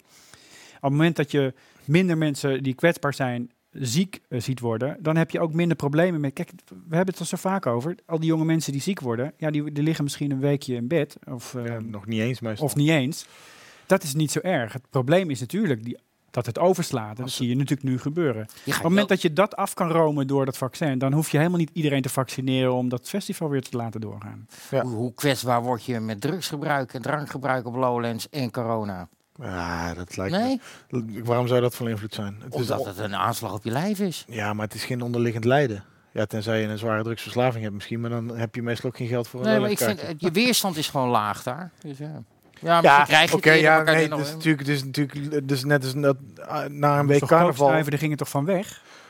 Dat was, stond in het begin. Ja. Ja, ja, nee, dat, eh, dat klopt, ja. Is niet zo. Dat is niet. Echt, nee, nee, totaal niet. Nee, nee, ik Maar dat, wel wat. dat Ik, is eh, met carnaval is dat ook. eh, eh, aan het eind van carnaval is, is, is half Brabant eh, heeft een snotneus. En- Ja, en- nou, en- ik wil er toch even op wijzen dat het dankzij carnaval...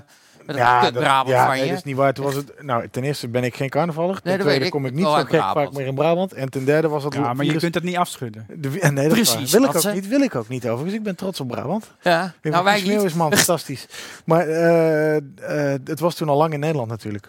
Nee, nee, nee. Eh, Want dat zie je nu wel, dat die verspreiding weer opleiden. Maar dat, je hebt nu, ze hebben nu een aantal keer van die dagrecords gemeten. Maar de, de ziekenhuisopname blijft daar behoorlijk op achter ten opzichte van begin van het jaar. Dus in het begin van het jaar kun je... Ik, ben niet zo goed met cijfers, maar mijn logica zegt dan dat aan het begin van het jaar er niet 10.000 mensen per dag besmet waren, maar tienduizenden. Waardoor die verspreiding veel sneller ging. Maar het lastige met het carnaval is dat we natuurlijk toen eigenlijk nog helemaal niks wisten. Maar Ja, één ding weten we ja. natuurlijk wel, en, dat, eh, daar, en daar, daar weten we vervolgens uiteindelijk toch nog steeds niet genoeg van. Dat carnaval zich natuurlijk afspeelt in heel, va- heel veel kroegen, waar het warm is, waar, de, waar het Ja. vochtig is, Ja, waar mensen ja. op elkaar staan te schreeuwen, dronken zijn. Het Dan En- moet je en in Limburg natuurlijk- carnaval vieren, want daar speelt het allemaal buiten af. Oh ja. Ja, dat is echt... Maar dat, is, maar dat is een heel belangrijk element waar, denk ik, de, de podia heel graag meer onderzoek naar zouden willen. En ook, ehm, kijk, die ventilatie, die rol van ventilatie in evenementen, in concertzalen, eh, is, zou wel eens heel belangrijk kunnen zijn, maar we weten er niet genoeg van. En het lijkt ook niet echt een prioriteit van het kabinet om uit te zoeken hoe dat nou precies zit. Het zou heel goed kunnen dat een concert in een Ziggo Dome, waar 17.000 mensen zijn, veiliger is dan een kroeg waar 100 mensen met een dichte... Met zo'n popronde of ruim- eh, met of een popronde, Ja, ja, ja. dat een Ziggo Dome een veel. Of moderner kleine gebouw zaal, is. Tivoli, Met een hoger plafond, Hoger betere plafond, afzuiging. afzuiging. Eh, een, een zaal als Paradiso of, eh, of een Tivoli Vredenburg of een 013, die hebben hartstikke moderne ventilatie. Ja. De vraag is dus, welk effect heeft dat? Dat weten we dus niet precies. Dat onderzoek, wordt dat gedaan door de overheid op dit moment? Doen, doet de branche dat zelf? De branche doet dat zelf. Ja, die Eh, in dat samenwerking met, eh, met, met TNO is er wel, worden er wel onderzoeken gedaan. Maurice de Hond Maar- propageert het heel erg natuurlijk. Ja, Maurice de Hond pro- propageert het zeker heel erg. Maar, en je ziet het heel af en toe wel opduiken in overheidsdocumenten. Maar het is zeker geen prioriteit. En eh, Van Dissel heb ik daar eigenlijk nog nooit over gehoord. Terwijl, ik zeg niet dat dat de, dat, dat de, de oplossing is. Maar dat zou nee. natuurlijk... Kijk, het zal toch zo zijn dat je er over twee jaar achter komt... dat we eigenlijk met z'n allen prima gewoon in de Ziggo hadden kunnen zitten. Dan heb je gewoon, dan heb je gewoon 100 concerten eh, ge- gecanceld enorme verliezen bij dat soort bedrijven, terwijl het misschien wel had gekund. Ja, daar wil je meer over weten. Hoe zit het nou precies met die ventilatie? Hey, maar neem mij eens even mee eh, in jouw glazen bol. voor de komende. Gaan we, ga- gaan we waar? Gaan we festivals krijgen? Zo, Wat denk je? Ehm, Want je hebt die hulp van de overheid nodig. Is dat glazen bol of koffiedik? Ja, komt hetzelfde neer, denk ik. nou, ik vind het in elk geval hoopgevend dat die sneltests eraan zitten te komen. Ik denk dat dat, kijk, als dat testen maar op orde komt, dan gaat het allemaal hopelijk wat sneller. Gaan mensen ook sneller die test nemen? eh moet aarzelen ze minder? De overheid moet meewerken. Maar ik denk ook, kijk, uiteindelijk dat nachtleven bijvoorbeeld wil heel graag initiatief nemen. Ze willen heel graag. Ze willen graag experimenteren. Ze willen kansen krijgen om protocollen te maken. Als dat mag en als er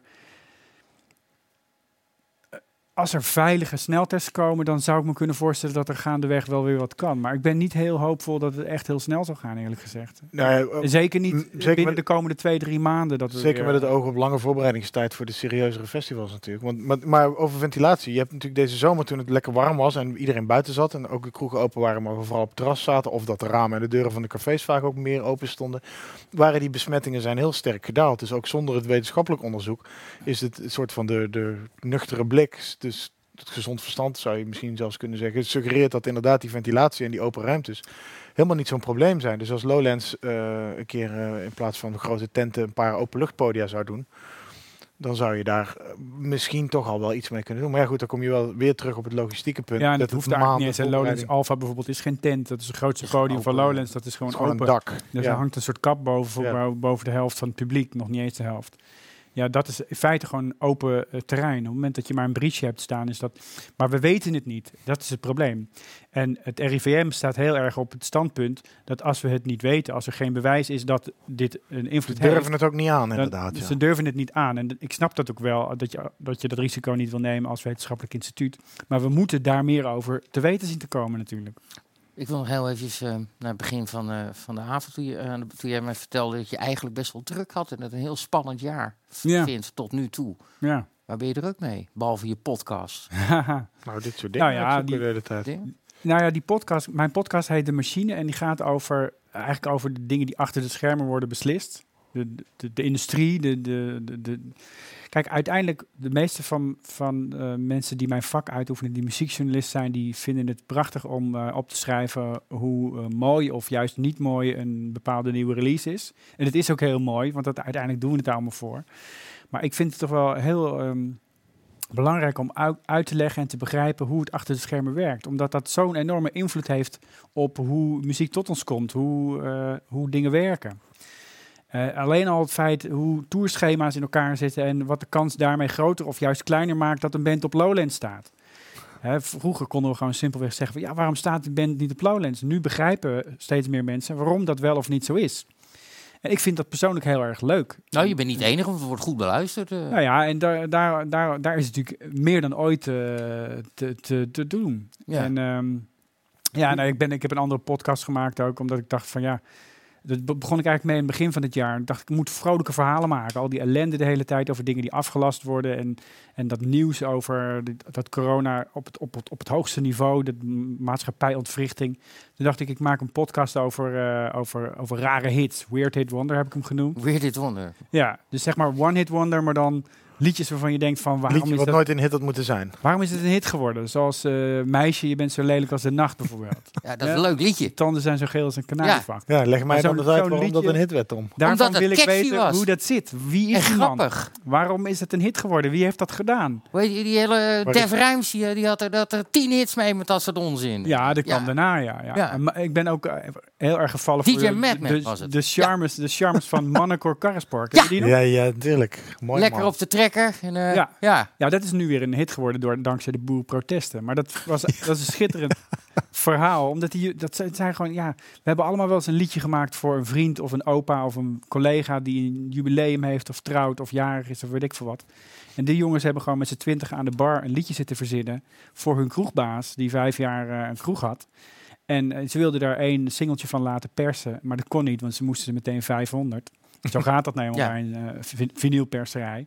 Even dames en mensen, vinyl, eh, dat is eh, de voorloper van CD. CD is dan weer de voorloper van Spotify. Zo is Ik, dat. ik het even Ja. erbij vertellen. En ze, maar, en ze hebben die singeltjes hebben ze, eh, hebben ze aan vrienden en, eh, en, eh, en, en mede kroeggenoten verkocht. En na een week waren al die 500 op. Toen dachten ze, nou, we- laten we er nog maar 500 besle- bestellen. maar je zegt, Dat vind ik wilde leuke weten- ja, verhalen om jij wilde weten waarom Ja. het een hit werd. Dat, Waarom ik werd wist, dat dit een hit? wist ik niet, dat dat de achtergrond... Ik ken dat Nee, ik ken liedje het- zeker nog wel. Ja. Ja. Ik weet ook dat ze in alle tv-programma's op kwamen dragen Ja, ja, ja, destijds. Met z'n allen. Op de, De trekker, klompen en, ja, en op eh, de trekker het, eh, het podium oprijden, et bij, cetera. Bar, bij Bart de Grava. Eh, bij- het is een waanzinnig leuk interview ook met Sonja Barend. Het is echt, echt het kijken waard. Ook omdat het een hele mooie clash is tussen de grachtengordel en die jongens die dan vanuit Tuk inderdaad met de trekker naar Amsterdam gegaan zijn. En, eh en Ja, daar tegenwoordig zijn ze bang als ze met een trekker naar, eh, Ja, naar de Randstad komen. precies, dus heel ja. Nederland, oh jee, echt. eh, Ja. maar, maar waarom werd dat nou een hit Nou, eigenlijk? waarom dat nummer een hit werd? Ja, op de een of andere manier.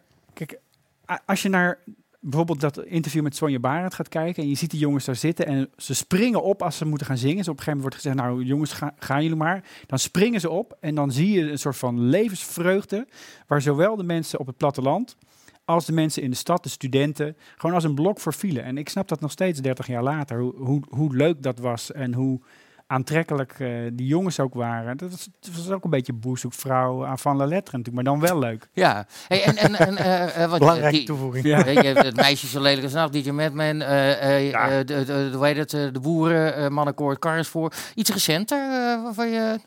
Van die Weird Hit Wonders? ja? Nou, mijn favoriete recente Weird Hit Wonder is toch wel het toppertje van eh Guillermo. Doe mij een toppertje en een Ja. brie. Ja, dat was Danny, ook, ja. ja. Hoe Maar dat is ook, dat zo- voor ja, die jongens hebben, nou dat is ook wel een goede. En alles die, wat Erik Diekep maakte, dat is ook een een weird hit. maar die, ja, zeker, maar die staat natuurlijk bij de Ja, radio. maar die jongens van, die de jongens van jingles, Toppertje, inderdaad. Hè? die jongen die heeft eh, ook inderdaad met een vriend van hem in de studio een avondje een poging gedaan om het slechtste nummer aller tijden te maken. Nou, dat is gelukt. Ja? En, maar hij werkte bij AT5. Gewoon op de redactie, op ja. de computer. En eh, het was Koninginnedag. En toen zeiden ze van, nou, eh, zullen we dat liedje gaan doen op een woonboot? en hebben ze dat staan doen. eh Hawaii hemdje Ja, die aan. Tropical Danny hebben we nu over. Ja, Tropical ja. Danny en Guillermo. En dat is vervolgens, zoals dat gaat bij AT5, gaat dat dan de hele week in de rerun. Oh, en na ja. een week was het een hit. Want het Ja, dat je was niet meer uit je een ontzettende kutclip, inderdaad. Die had je voor tien gulden gemaakt, eh, dat werk. Ja, ja, ja. ja. Eh, hoe gaat het nu met die jongens? Zoek je ze ook op? Dat vind ik altijd Ja, leuk. ja, ja. en wat, nou, wat die een nu? van die jongens van, eh, van Guillermo en Tropical Danny, die is inmiddels zit al jaren in het management van de jeugd van tegenwoordig bijvoorbeeld. Dat meen je niet. Ja. Die is er wel in blijven hangen. Die is erin Oh, blijven goed. hangen, ja, ja. En die andere? En die, die DJ, nou, DJ Madman bijvoorbeeld, ja, die, ja, die, die, die is er gewoon. Maar Die, Die is nog steeds Die nog boeken. steeds- en, eh, En die je kunt, vaak kun je ze nog steeds wel boeken, ja. Eh, en je een ziet ook wel dat, dat, kijk, zo'n DJ Madman, die komt eens in de zoveel tijd, komt dat liedje weer terug, hè. Dan Ja. sta je weer op een foute party of een 90s revival ding. En dat Mannenkoor Karrespoor, ja, doet toch een beetje aan Bonnie M, die kroeg bestaat nog steeds. En als je, ik ben naar, naar Sorry, sorry, ik moet heel even. wat is er met Bonnie M? Maak jij die nou de stap die- van Mannenkoor Karres voor naar Bonnie M? Ja, Dan mag je hem even nee, die uitleggen. zanger. Hè? Bobby Die zanger is dood. Ja, of ben ik nou de warme een andere band? Die man die tot hoge Ja, dat leeftijd... stond te dansen. Ja, die Eh, moet toch ook tot hoge leeftijd Ja. een trucje blijven doen? Ja, maar dat geldt voor bijna iedereen die ooit een one-hit wonder heeft gehad. Hè? En zo mooi, moois vond ik ook, er is ook zo ooit een keer zo'n mooie serie gemaakt, die heette Single Luck. En dat ging ook inderdaad over mensen die één keer in hun leven het geluk hadden gehad dat ze een hit hadden. Er ging ook een aflevering over Carl Douglas met zijn kung fu fighting. Ah? Ja, Ja, die ja, ja. Everybody was kung fu. En die man had thuis zijn hele huis was nog kung fu. Oh, Hij was helemaal niet per se kung fu, maar dat kwam allemaal door dat liedje. En hij had overal gouden platen natuurlijk, maar dat nummer was een wereldhit en daar kom je ook nooit meer vanaf. En je ziet ook dat bijna dat soort nummers worden bijna allemaal in een avondje of soms zelfs in een uur geschreven. Je denkt er niet over na. En eh, ja, dat, eh, je- komt er ook nooit meer vanaf. Nee, nee, nee. Ja, en dat, dat fascineert Ja, jou. In fact, it was a little bit Ja. frightening. Ja, ja, ja. Ja. Busstop heeft hem ook gedaan, dacht ik. Busstop. Ja, zo heet die band. Hoe heet dit, het Fu Nederlandse gezelschap ook weer, dat gelegenheidsgezelschap wat One Day Fly deed? Ja, dat waren eh, van, eh van Ja. dingen, van Ja. Ja, tuurlijk, ja. Ja, die dat is was bewust. Ja, ja, dat was Hoe dat- krijgen we nummer 1 hit? We laten zien hoe makkelijk het is. Ja, dat is- 500 platen, dat was nog in die tijd. En je staat op één. dat is zelfs geen stijl was Ja. gelukt. Of, of Ja, Bond. met, met, ja, en met, eh, met en een hit? We hebben, ja, met wij met hebben dat. Dries Roelvink aan zijn enige nummer 1 hit geholpen ooit. ooit. Eh, de, de, de Route Soleil.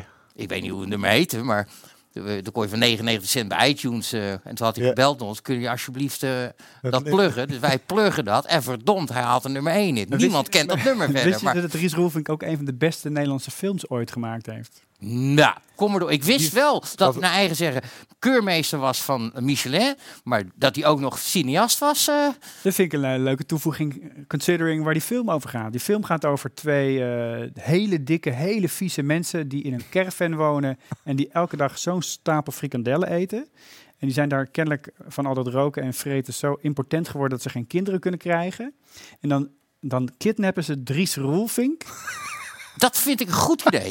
om een kind te krijgen. Wa- Deze hoe heet film, die film? Deze film bestaat echt en hij heet I Love Dries. Hier. en- en- dit moet, Dennis, onze, onze sterreporter van, eh, van Nieuw Nieuws, is helemaal wild van Dries Nederland, ja, van Nederlandstalige Nee, maar Dries is eh, echt zijn allergrootste Echt. Dat snap ik. Ja, en, Ja. eh, en, en Dries heeft wel smaak, moet ik zeggen hoor. Ik heb wel eens Ik wijn gedronken bij me. Dries was een van de eerste BN'ers zo'n beetje die op Twitter ging. Doe er maar. Echt. En die werd op Twitter, was, was het een ding dat iedereen wilde met Dries hangen op Twitter in het begin. We Ja. hebben het echt over meer dan tien jaar geleden. En hij ging ook iedereen terugvolgen. Dat was ook echt een ding van, ik word gevolgd door een BN'er. Hij, ging, Ja. maar hij heeft mij ooit, ook- destijds ook nog ooit gevolgd. Maar dat was echt, als je door Dries gevolgd werd, Ja. dan was je... Dan telde je Hoorde mee. je Oh, ja, mee, ja. Ben ik op tijd van Twitter afgegaan, want ik ben nooit door Dries gevolgd. Het maar ik vind, wel, ik vind wel, ik vind Dries... Ik vind het altijd heel leuk als mensen boos worden als je op Radio 1 inbelt bij Sven Kokkelman, Ja, dat is geloof weg, hè? ik. Dat is om, eh, ja, maar dat, ik, dat, ja, dat, ik, inderdaad doet hij niet meer. Maar Column deed hij. deed hij, hè? Ja. Ja, en ik vond het altijd hele leuke columns. Een beetje joling, maar dan iets... eh, iets Nou, je kan iets- zeggen iets van die man wil. Hij heeft een verdomd uitgebreide kennis van de geschiedenis van de Nederlandse politiek. Veel meer dan je denkt. is dat zo? Dat is echt waar. Ik vond het gewoon wel Ja, leuk jij hebt het nooit serieus genomen, dit, hè? Maar die columns waren... eh, Ja. en ik, Ik vond het kijk, leuk omdat ik het niet altijd serieus nam. Maar kennelijk heb ik me daar ernstig in vergist dan. De Dries heeft altijd een beetje... het, eh, eh, dat, Ik vond het leuk dat mensen daar dan zo pissig van werden. Want Radio 1 doet een beetje wanhopig zijn best om, om, om een beetje aansluiting te vinden. Althans, dat gevoel ademt er dan. En dan doen ze dat en dan wordt iedereen alsnog boos. Ja, Nee, maar ja. niet zo. Nee, maar vervolgens ging hij zelfs als eh, verslaggever in de Tweede Kamer. Hij zit wel eens in filmpjes. Oh voor ja, dat klopt ja. Voor één vandaag, voor RTL Boulevard ging ineens. Ja, Politiek dat lopen die. Mensen vonden het heel raar. Maar nogmaals serieus, Dries heeft echt meer verstand van politiek dan je zo Moeten een keer uitnodigen? Ik ga Dries bellen als ik Nou. zijn nummer had. Nee, maar dan vragen we aan. eh, die, die moeten we zeker even uitnodigen. En dan moet je even een goede rode wijn halen. Want daar, is, daar heeft hij ook veel verstand nog van. een snop En dan gaan we hem. Ja, Ik leer je dingen En dan gaat hij vertellen. Dan gaat hij vertellen dat hij jarenlang keurmeester van Michelin is geweest. Dat is bullshit, maar dat gaat hij wel vertellen. Ik kan me niet voorstellen namelijk. Wat denk jij? Nou ja, ik denk dat hij wel veel van frikandellen weet. Dat eh. Oh nee, oh, maar het is een fijnproef hoor. ja, Echt, ja, maar of die nou dingen is nog. Hey, even als we eens eventjes naar de muzikanten kijken in Nederland. Want ehm, we, hadden het net al een beetje gedaan eh, wat ze nu eigenlijk aan het doen zijn. Hè? Ja. Sommigen zijn chauffeur, eh, sommigen gaan achter de bar, sommigen zijn tourmanager, maar er is nu even geen tour. Zijn ze ook een beetje lekker veel muziek aan het maken? Komt er veel Ja, bij je binnen? Ik verwacht wel, ik verwacht dat er sowieso heel veel muziek, eh, zeker ook van die DJ's, hè, die nu ineens allemaal tijd hebben om eh, te gaan produceren. Die hoeven, hoeven elkaar niet op te zoeken. Kijk, voor bands is het best lastig. Oefenruimtes zijn eh, dicht. Je kunt niet met elkaar in de studio, want je mag, je mag eh, ik veel, je mag niet met meer dan vier mensen tegelijk. Dat, dat is best lastig. Maar aan de andere kant kan dat tegenwoordig natuurlijk ook wel weer wel. Dat je op afstand met elkaar dingen maakt. Maar ik denk dat er vooral heel veel solo dingen uit gaan komen de komende Ja? tijd. Dat zie je nu ook al wel een beetje gebeuren. Maar waar moeten we op letten? Wie zijn de, want ik, ik, ben het al, een- ik ben het al een tijdje kwijt door de Nederlandse muziek. Maar waarom kan jij me vertellen? Waar, we- nou, wat, kijk, kijk, het lastige vind ik nu, als je het gaat, gaat hebben over echt nieuwe dingen die er nu aan zitten te komen, daar, daar, dat is best lastig te zien. Omdat je het hele traject van talenten is ook weg. Is ook de weg. popronde is weg. Eurosonic Noorderslag is straks in januari. Staat officieel nog op de agenda, maar dat gaat natuurlijk, gaat natuurlijk niet gebeuren. dat is het ding waar alle mensen zoals jij Ja. en boekers bij elkaar Dan ga je Ja, kijken allemaal niet naar hoe die nou nu, echt. eh, Ja, precies. precies. Ja, de anderhalve meter op een stoeltje in de Canarie. Dat Ja, gaat niet dat- dat gebeuren. Ja, en dan een bierdouche geven. Ja. Maar ehm, k- ik, kijk, het lastige is nu, en dat is echt een probleem wat we gaan krijgen volgend jaar, dat de talenten van 2021 zijn dus de talenten van 2020. Want al die acts die geboekt werden voor die shows, die worden vooruitgeschoven. Dus op het moment dat je, geen nieuwe aanwas. dat, dat gaat heel moeilijk worden om daartussen te komen. En bijvoorbeeld, en, en terecht ook, dat artiesten die eh, heel goed aan de start verschenen in 2020, straks alsnog willen spelen. Eefje de Visser bijvoorbeeld, Mhm. een Nederlandse zangeres, Ja. die een waanzinnig mooie plaat heeft uitgebracht. Die stond ook echt, wat zij op het podium had gebracht, stond, dat stond echt als een huis. Het zag er waanzinnig mooi uit. En ja, die heeft niks kunnen doen. Ze heeft volgens mij drie, vier shows kunnen doen en toen was het klaar. Ja, ik zou zeggen, natuurlijk willen mensen dat volgend jaar nog zien. Maar wat ga je dan doen als je er nu tussen wil? Als je, of je nou een grote bent of een nieuw talent bent, ja, dat wordt heel lastig. Maar krijg jij geen, ik weet niet hoe dat tegenwoordig gaat hoor, maar krijg je geen demo Nee, dat komt wel. Ja, er, er wordt, er wordt echt wel veel muziek gemaakt. En daar is, in eerste instantie zat ik te, te kijken van, ja, wat gaat er nou gebeuren? Want in eerste instantie komen dan in maart en april en mei komen er allemaal platen uit die natuurlijk al gemaakt zijn voordat die lockdowns kwamen. En die soms een soort nieuwe betekenis krijgen of die ineens heel gek aanvoelen. Of, ja, je, je zal maar een, een, een klapper van een dansvloervuller hebben gemaakt eh, Ja. eh, die uit moest komen in, in april. Wat heb je daar nou aan nu? Nee, Ik denk dat heel veel DJ's nu dingen aan het produceren zijn die ze wel maar gewoon bewaren. die op de plank leggen. Die op de en, plank blijven liggen tot het weer mag. Krijg dus dan, dan een gaat het natuurlijk seizoen een van enorme... dubbelalbums krijg je dan. Ja, maar ja, er zijn ook nog, gewoon een, zo'n hele mooie indie band als Big Thief bijvoorbeeld. Een Amerikaanse band die vorig jaar op de festivals heel goed deed. Ja, die zangeres heeft nu al twee, twee platen uitgebracht eh, in een maand tijd. En eh, dat zie je, je ziet dat meer bands doen. Dat ze gewoon nu, er komt gewoon muziek uit. Je gaat het maar gewoon doen. Ja, die route is... Waarom zou je wachten? Ja, die route die, die is nooit afgesneden. De digitaal releases op waar dan Ja. ook eh, iTunes, Apple, Ja, eh, Het probleem is natuurlijk wel, waar je natuurlijk 15 jaar geleden nog bakken met geld kon verdienen eh, door je cd's te verkopen. Ja. Die tijd is voorbij. Dus, eh, Je moet spelen. De, de, je moet Ja. spelen. Het is online profileren, offline je geld verdienen. Dat werk. En dat is dus weg.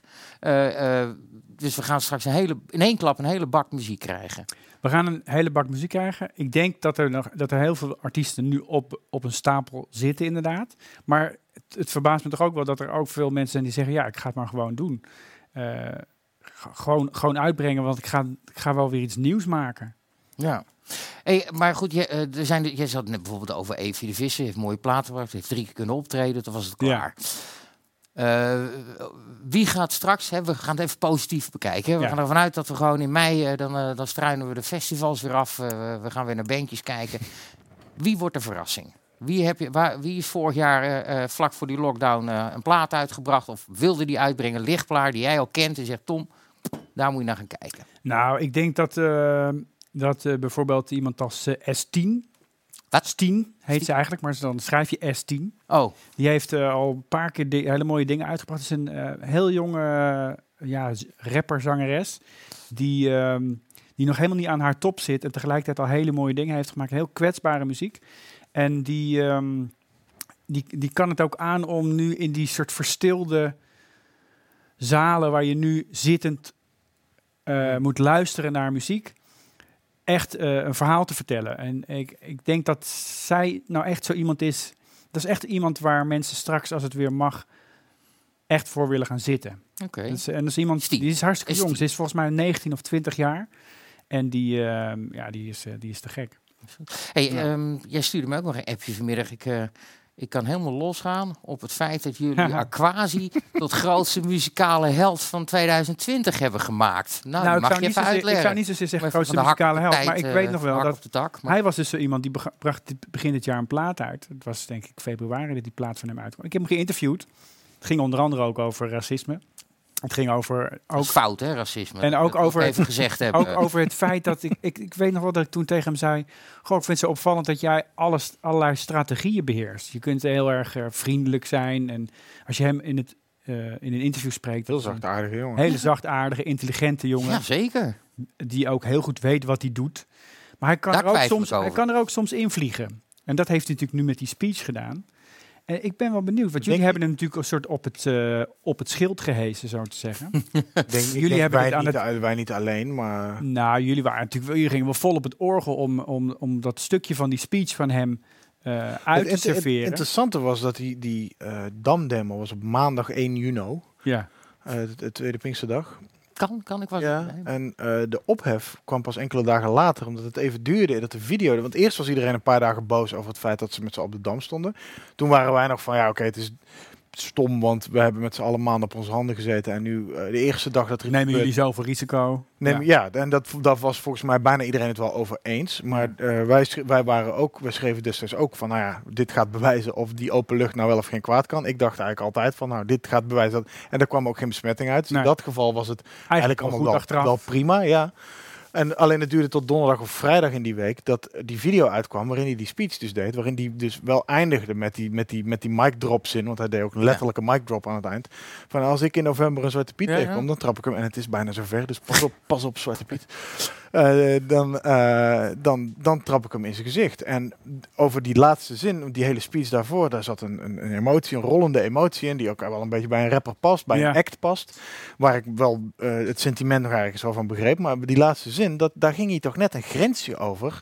Waarbij je je af kan vragen, in, ja, bij een ander is de ophef ook groot. Als er, als, het was echt een aankondiging van een geweld. En het werd vervolgens, dan, en dan nog kun je zeggen, een soort dichtelijke vrijheid. Het is een rapper, hij staat in een bepaald sentiment Ja. voor een publiek. Kon ik ook nog inkomen. Maar toen zat hij vervolgens bij Dit is M, waar hij vaker zat. Daar werd er naar gevraagd. En toen kwam er een volledig brabbelverhaal over, ja, maar Zwarte Piet heeft geen BSN en die bestaat eigenlijk niet echt. Terwijl die specifieke zin was, als ik een Zwarte Piet tegenkom, Ja, ja. Dus dat En had ik denk iedereen dat het slim is zijn. dat hij dat zo heeft eh, verwoord. Nou, ik denk alleen, zacht uitgedrukt. Nee, maar ja. Dat is gewoon een hele stomme Kijk, opmerking. uiteindelijk is het natuurlijk een, een soort breuk met de strategie die natuurlijk heel lang heel bewust gekozen is door de, door, door, door de activisten om te zeggen we, we zijn er, we laten ons niet wegjagen, we gaan er staan.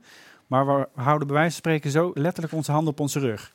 Ja, behalve dat Hè? dat niet helemaal waar is. Dat ze dat wel, eh, we hebben dat vaak gezien in beeld. Want ook eh, Jerry Free is ook altijd heel, die, die komt wel, het is een voorkomendheid zelf als je hem ergens op beeld ziet. Ja. Maar er zijn ook video's en uitingen en, en, eh, en ook echt op video, maar ook powerpoints die wij wel eens via WOP verzoeken, niet onze WOP verzoeken, maar die iemand anders doorstuurde, hoe hun tactieken zijn, de strategieën zijn. Er zitten echt slides in. Er staat van zorg dat je er altijd vriendelijk uitziet, maar ondertussen. En dan staat er niet, we gaan letterlijk geweld gebruiken of zo, maar er zit er wel constant een suggestie onder van als dit niet werkt, dan zullen we. Ja. En ook een, een, eh, een, eh, de Mitchell Sayas, die ook uit die groep, eh, uit de Kick-Out Zwarte Piet, ook Mm. van de New Urban Collective, die ook op video een aantal keren gewoon uitspraken heeft dat je denkt van ja, god, het is niet dat we je strijd tegen racisme, dat dat niet oké is of dat het niet mag. En als hij Zwarte Piet racistisch vindt, dan vind ik ook een prima standpunt. Ik ben het er volstrekt niet mee eens, maar je, het is een prima standpunt. Maar er zit vaak toch net een randje onder. En dat kwam volgens mij bij die Aquasi, bij Aquasi naar buiten bij die Dam-demo. Dat die laatste zin wel echt zoiets was van, ja, zie je wel. ze- Het maakt niet uit wat we doen, hoe we reageren, of we aanpassen of niet. Uiteindelijk zegt hij, eindigt het toch met een dreigement en geweld. Ja. En, en dat, dat, Maar hebben wij... ik weet je, vond die ik- ophef wel echt heel begrijpelijk. Ik, ik, s- ik snap wel wat je bedoelt. Alleen, ik zie het hem, ik zie het hem echt niet doen. Nee, ik Nee, zie natuurlijk nee, zie ik het Maar niet het punt is uiteindelijk, doordat je, het, doordat je die niet. ene zin er zo uittrekt, heb je, hem, heb je hoogstpersoonlijk hem de meest relevante artiest van, eh, van dit jaar gemaakt. Dat was in inderdaad de letterlijke Maar ging, ging je er ook zoveel platen op verkopen dan? Ja, wat... Nou, Ja. Naamsbekendheid Nee, ja, altijd goed natuurlijk. maar- uiteindelijk zit hij, eh, op basis van eh, dit gebeuren, zit hij natuurlijk in, in elke talkshow en eh, Hij- in hij- interviewsprogramma. Hij zat al bij DWDD natuurlijk als ja, maar hij is toch echt, hij nee, is toch maar echt daar is wel heel wel bekend voor. Dus voor als, hij heel veel extra plaat heeft verkocht, Bart, Het is wel- dan, is hij, dan hebben we in ieder geval iets van die herstelbetalingen voor hem geregeld. Zo simpel Jij bent het de slechtste weer. grap vanavond. Ja, oh, absoluut. En, niemand lacht. En Jij- niemand lacht. Jij wel. Maar- Maar, echt, maar, Maar nee, nee, maar nee. het gaat mij, ik was, ik, nu wil ik Ja. een vraag. Even kijken, ehm, eh, want jij zegt echt dat wij hem daarmee die aandacht hebben gegeven. Maar dat, Ja. dat, dat, dat vraagt hij ook wel een beetje zelf om. Mijn heeft Nee, kijk, maar maar zelf kijk, hij heeft natuurlijk, eh, hij, hij vertelt dit natuurlijk al jaren. Hè. Hij, heeft, hij was een van de eerste, en zeker eh, in de artiestenwereld, die zich uitsprak tegen Zwarte Piet. Er is een hele bekende foto, eh, of nou, bekend in elk geval, als je hem volgt, dan kun je er waarschijnlijk al herinneren dat hij in whiteface op de cover van eh, State Magazine stond. Dat was een hip-hop magazine online, wat destijds eh, er was. Dat was echt eh, een, een, een statement destijds voordat die hele eh, discussie gaande was. Hij heeft dit altijd Ja. eh, gedaan en gezegd. En soms deed hij het eh, heel liefdevol. Soms ging hij er, vloog hij erin, daar ging de confrontatie aan. Een deel van zijn publiek is natuurlijk... Kijk, hij heeft bijvoorbeeld een voorstelling gemaakt met liedjes van Bram, Bram Vermeulen. Daar zit hij natuurlijk voor een wit publiek van 60 plus. En dat zijn ook mensen aan wie hij gedichten voorleest. En soms kiest hij ook voor de confrontatie. En mag het ook een beetje schuren. Dat mag Graag sowieso. zelfs. Natuurlijk. En eh, ja, ik, ik weet niet of nou de- die specifiek die zin, of dat nou zo slim van hem is geweest. Dat- Slim was het niet. ik snap Maar- het, het, het. Het had ook de opbouw, want omdat hij dus die hele speech was al fel en, en die vloog Ja. erin. En eh, het, het, was het ook het moment naar natuurlijk. Tuurlijk, ja. En het, het, het smaakte ook een beetje als, als het, het. Het was onder van iemand. Het was een act van iemand die weet hoe die moet acteren, maar het was ook een, een heartfelt emotion. Ja. Ik weet niet waarom ik de hele tijd Engelstalige termen aan gooi. Tom, sorry. Omdat je Hij Engels meende, hebt ook, hij meende ook wat hij zei. Ja. Maar eh, die laatste zin was ook wel een beetje een. Die was niet ter plekke bedacht. Die, en, want het was een, daar was het een te mic drop moment voor wat echt gewoon. Zo ga ik hem eindigen. Want die hele speech Ja. bouwde vanaf het begin af aan op naar dat punt. En dat is toch het punt waar. Eh, nou is die natuurlijk degene die tegen Zwarte Piet zijn of die strijden voor de afschaffing van Zwarte Piet zijn dan niet de populairste mensen.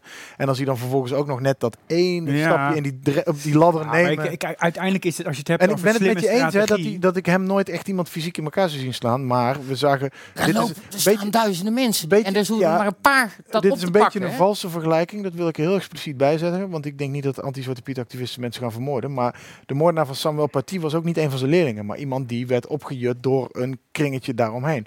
Ik vind dit een beetje ver gaan qua Ja, vergelijking. vind ik ook wel een beetje ver. Ja, want eh, dit... Maar, Maar, maar kijk, uiteindelijk het belangrijkste wat je, rustig, kan, hoor. wat je kan concluderen is dat de, de beweging tegen Zwarte Piet en tegen racisme in Nederland, die al jaren en natuurlijk er is, gewoon op een hele ja, goe- goede, slimme strategische manier aangehaakt heeft bij de frustratie die natuurlijk mede ontstaan is door die hele coronacrisis waar we het al anderhalf uur over Ja. hebben.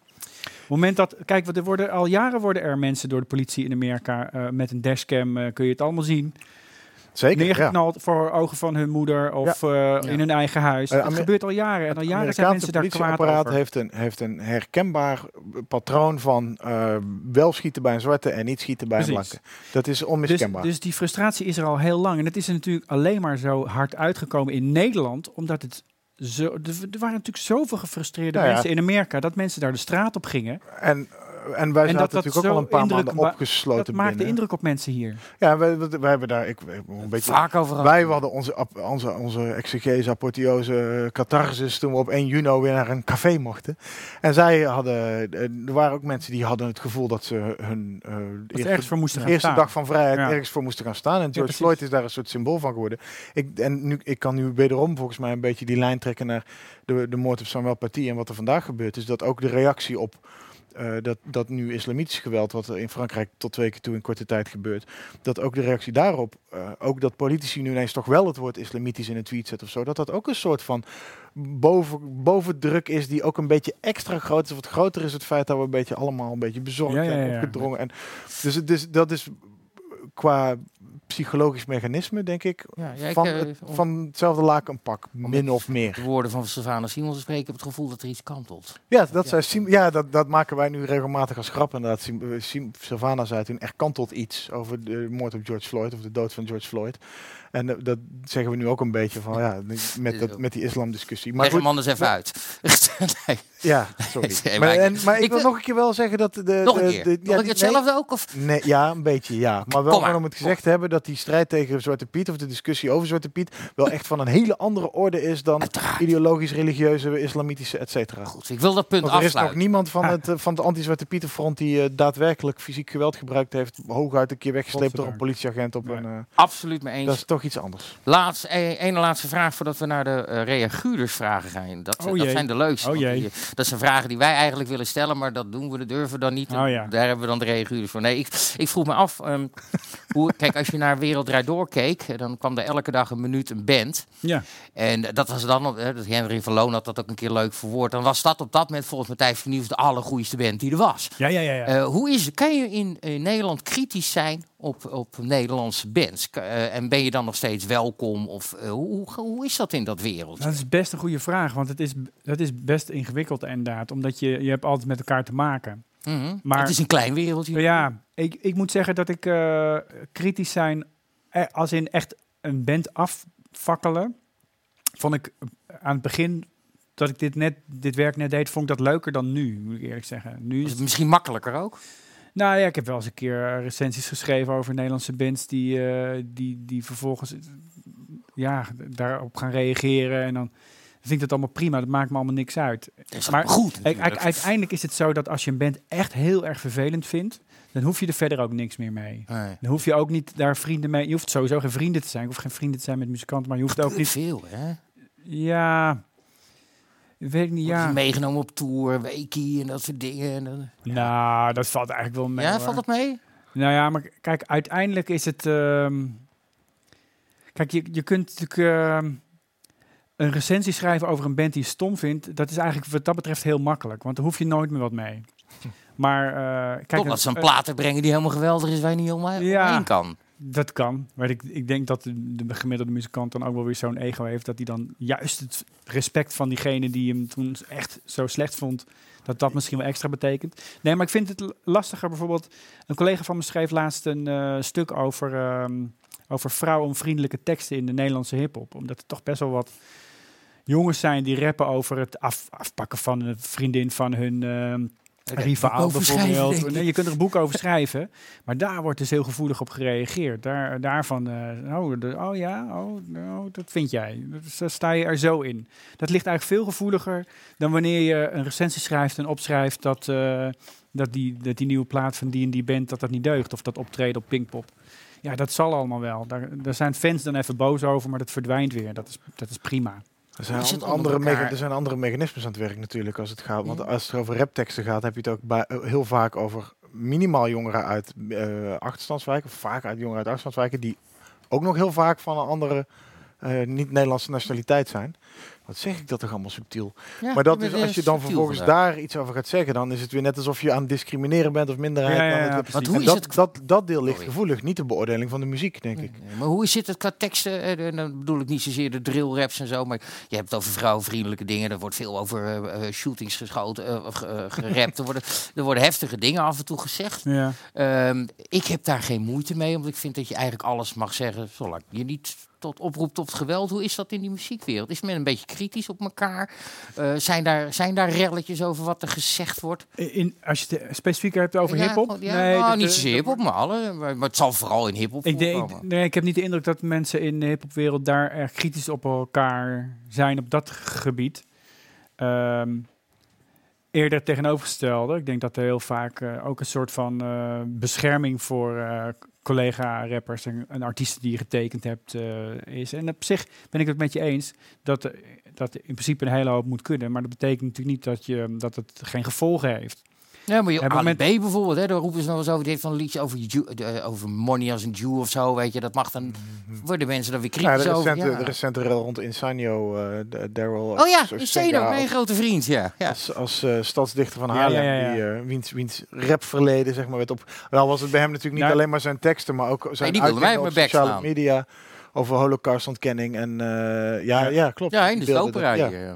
Nou ja, kijk, het is heel lastig om over dit onderwerp te praten in het algemeen, omdat hip-hop is natuurlijk van alles. Het gaat over mensen die over hun psychose rappen of over hun moeder tot, eh, tot eh, straatgeweld en uh, coke-dealen. Dus het, het, er gaat natuurlijk, zit van alles in. En de gradaties van talent zijn ook, lopen ook zeer sterk uit. Dus, dus je kunt heel moeilijk zeggen de hip-hop dit, de hip-hop dat. Eh, maar je kunt natuurlijk wel eh, bepaalde.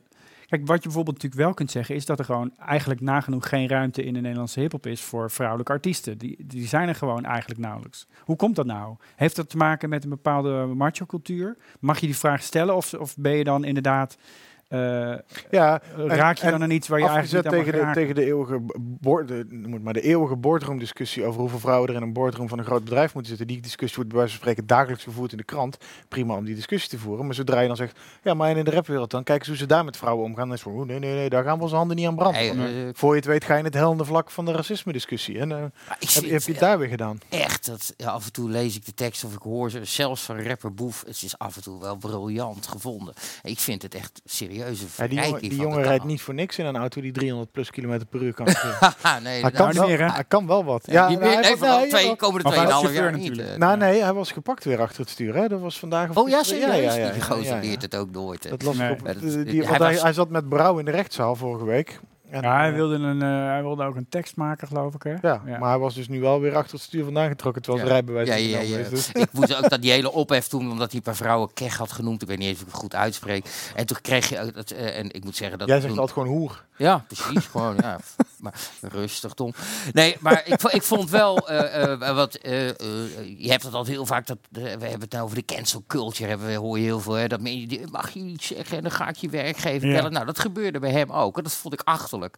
Want mensen gingen dan poppodia bellen. Je moet boef niet meer boeken. Het is, het, Het is heel simpel. Ja. Als de mensen geen kaartjes meer kopen omdat ze het vervelend vinden dat hij kech roept, dan wordt hij niet meer geboekt. Het is echt aan het publiek om daarover te oordelen, is mijn mening. Uiteindelijk wel. eh, uiteindelijk wel. Eh, ik maar ik kan wel me voorstellen dat als jij bijvoorbeeld een bevrijdingsfestival bent en je hebt een bepaalde signatuur eh, die te maken heeft met eh, vrijheid en eh, Gelijkheid en, gelijkheid en antidiscriminatie. En, Ja, dan Haarlem, komen we even bij onze Utrechtse held rapper Steen terecht. ja, Die dat op het bevrijdingsfestival inderdaad had. Waar mensen verschrikkelijk vonden dat hij daar optrad. Ik dacht, ja weet je, dat hoort ook bij vrijheid en vrijheid van meningsuiting. dat je een mening hoort die jou ja. niet bevalt. Ja, ik, ik, ja, als ik bevrijdingsfestival was, zou ik denk ik hem niet per se boeken. Wat ik niet, ik, wil, ik vind niet dat, je, dat hij niet mag bestaan of dat hij eh, Nee, dat zou wel heel erg zijn. moet, hè, hij ze- verboden zou moeten worden, of zijn muziek verboden moet worden. Maar ik snap eerlijk Held, gezegd wel dat mensen dat gek vinden dat het op zo'n plek staat. Snap ik. Maar Ja. nogmaals, een vrijheid van meningsuiting is ook accepteren dat iemand iets zegt wat je nu Ja. hebt. Het is tijd voor de Het is ook, reaguurvraag. Oh jee. het is ook Oh. moeilijk om daar niet hypocriet over te zijn af en toe inderdaad. Want het, is ook, het wordt ook heel snel een whataboutism van ja, waarom wordt die boardroom discussie wel gevoerd, maar mag je over hip- hip-hop niks zeggen? Klinkt Ja, ook ja, heel snel als eh, een excuus om zelf ook niet de boardroom discussie Ja, te voeren, ja. omdat je zegt ja, maar jullie, jullie daar ja. zo. Dus het is altijd en als je enerzijds vindt dat je alles mag zeggen, dan moet je anderzijds ook inderdaad rapteksten verdedigen die Ja. Enfin, et cetera. Dat, Dat et cetera. En dat geldt ook voor oh. Aquasi, laatste zin. Dat Oh. geldt ook voor Aquasi. Alleen, mijn mijn punt blijft wel dat die laatste zin, die ging net één stap te ver. Want dat had niks meer te maken met een, punt, een statement maken. Dat was echt een aankondiging van iets waar, wat we niet willen dat überhaupt iemand dat hardop aankondigt. Die, dat punt is Daarom, gemaakt. daarom vielen we daarover en daarom moest dat benoemd worden. En dan kun je de discussie voeren. Ga ik gewoon toch door. Ja, Discussie voeren over of we hem nou wel of niet groter gemaakt hebben. Maar dan moet je ook de vraag stellen: ja, maar kun je het dan ook, laat je het passeren omdat je zo dat, zoiets geen aandacht wil geven? Of wil je juist zeggen, vriend, prima dat jij tegen Zwarte Piet bent en die discussie voert. Maar niet op die manier. Daar moet je de grens trekken en dat willen we graag ja. wel die even laatste benoemen. zin hè, van hem, daar ging het om, toch? Die laatste ja, nee, zin, ja. eh, nee, Ja, maak het nog één keer duidelijk. Ja, het ging om zijn laatste zin, Tom. De laatste zin van Aquasi. Wat zei hij ook alweer? en toen deed hij zijn microfoon laten vallen, toch? Zo, Geen idee, een maar ik heb jou net uitgeklokt vanavond. Dat weet ik. eh, Goed, ik heb twee reaguurdersvragen. Oh, jee. Eentje van eh, min 9. Ze mogen hier zelf hun eh, eigen nickname verzinnen. Ja. Eh, vraag voor Adsen. Wat vindt hij van de poging van radiostations om de frequentieverdeling van 2022 uit te stellen? Met als smoes natuurlijk corona. Vooral de nieuwe zender Kink knokt hier tegen. Ja, ja, ja. Zij willen ook graag op, F- op FM. Is dat terecht? Nou, ik snap, ik snap natuurlijk wel dat Kink ook op die, op die zender wil. Ja, dat snap, Dat snap ik, ik wel, ook wel, ja. dat is logisch. Ik vind jou er ook wel passen. Op, de, lekker op, naast Henk op, op Kink. Ja. Ja, maar ik ben nog toch niet zo van de Pearl Jam hoor, moet ik Nee? eerlijk zeggen. Nee, dat vind ik toch wel. Is eh, Kink is van toch de wel grootste alternatieve Radio misvattingen- ik vind Veronica, dat ja. Een van de grootste misvattingen van deze tijd dat Pearl Jam een geweldige band is. Doet die hele grunge heeft de hele rock kapot Ja, gemaakt. toch? Ja, Ja, godzijdank. Nou, nee. daar hebben we elkaar mee gevonden. Ja, sorry. maar goed, Ja, is sorry, het, ik eh, draai vind net je Nee, dat maar los plek daarvan, eh, ja, kijk, ik ga gelukkig godzijdank niet over die etenverdeling. Nee, Eh, ja, wa- waarom dat nou uitgesteld moet worden, ja, ik weet het niet. Maar ik, eh, ik gun, eh, Mag, hè, maar is ook een gun antwoord, Kink het beste hoor, als, ze maar, als ik maar geen Pearl Jam hoef te horen. Dan, eh, Je, je, kan, je kan doordraaien naar volgende. Ja, precies. Oké, de laatste vraag, Adse. Beste Adse, zou je het roze leger, dat zijn wij, willen uitleggen waar we best blij mogen zijn met onze publieke omroep? Ze zitten nogal in, het anti ze zitten nogal in de anti-MSN-groef. Vandaar. Groetjes, belde Wouter.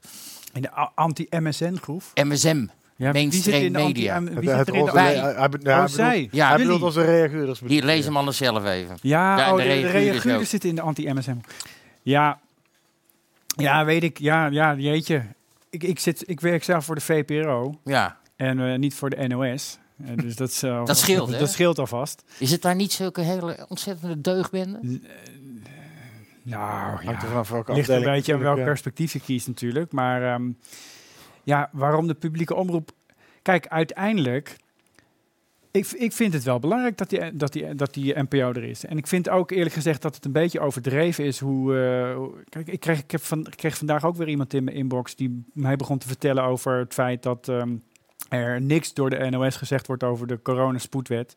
Dat is natuurlijk niet helemaal waar. Het, Het is wordt- totaal niet waar. Maar Ik vind, ik vind, ik vind het eh, logisch dat er. ehm, op het moment dat jij heel graag Willem Engel zou willen zien op de NPO.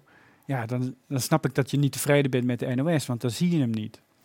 En je ziet natuurlijk dat er een soort van mechanisme begint te ontstaan in een soort alternatieve media die voortdurend in elke interview gaan zeggen: ja, de mainstream media negeert dit. De mainstream media negeert dit. Het is, een soort Calimero-gevoel aan het ontstaan.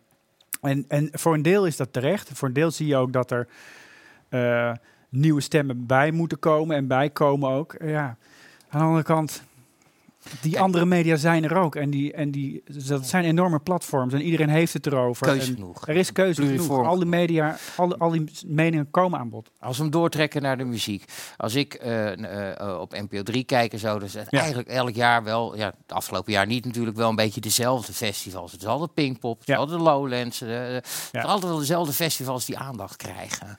Is nou, daar, is daar, bij ons is het niet helemaal waar. want we hebben echt heel veel. Kijk, uiteindelijk, misschien kan ik het beste wat zeggen over mijn eigen vakgebied natuurlijk. Dat is logisch. Ik vind dat het voor eh, een publieke omroep heel belangrijk is om heel veel aandacht te besteden aan Nederlandse cultuur.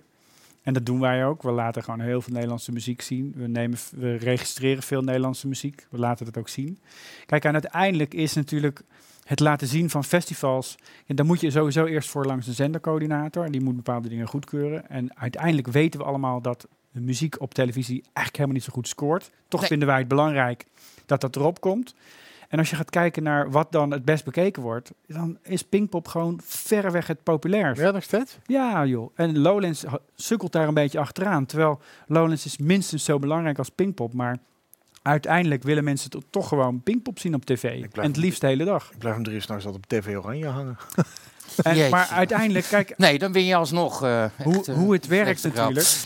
hoe het werkt voor een, voor een omroep als de VPRO is dat wij natuurlijk allianties aangaan met een festival. Want we kunnen niet zomaar bij een nieuw festival binnenlopen met een camera en beginnen te filmen. Zo werkt het niet. Je gaat een soort jarenlange band aan met een festival.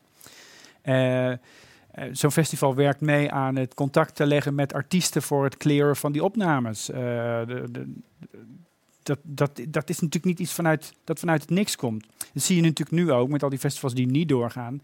Ja, daar, daar voelen wij natuurlijk ook een zekere loyaliteit toe. Ja. Maar als je kijkt naar de festivals en de artiesten waar wij in de afgelopen, nou ja, 3 voor 12 bestaat een jaar of twintig al, aandacht aan besteed hebben. Ja, dat, dat zijn gewoon lange relaties. En daar zijn ook wel heel veel dingen bijgekomen. Als je kijkt, 20 jaar geleden was er eigenlijk nog bijna niks. Hè? Je had Pinkpop en Lowlands en daartussen zat gewoon eigenlijk niks. Nee.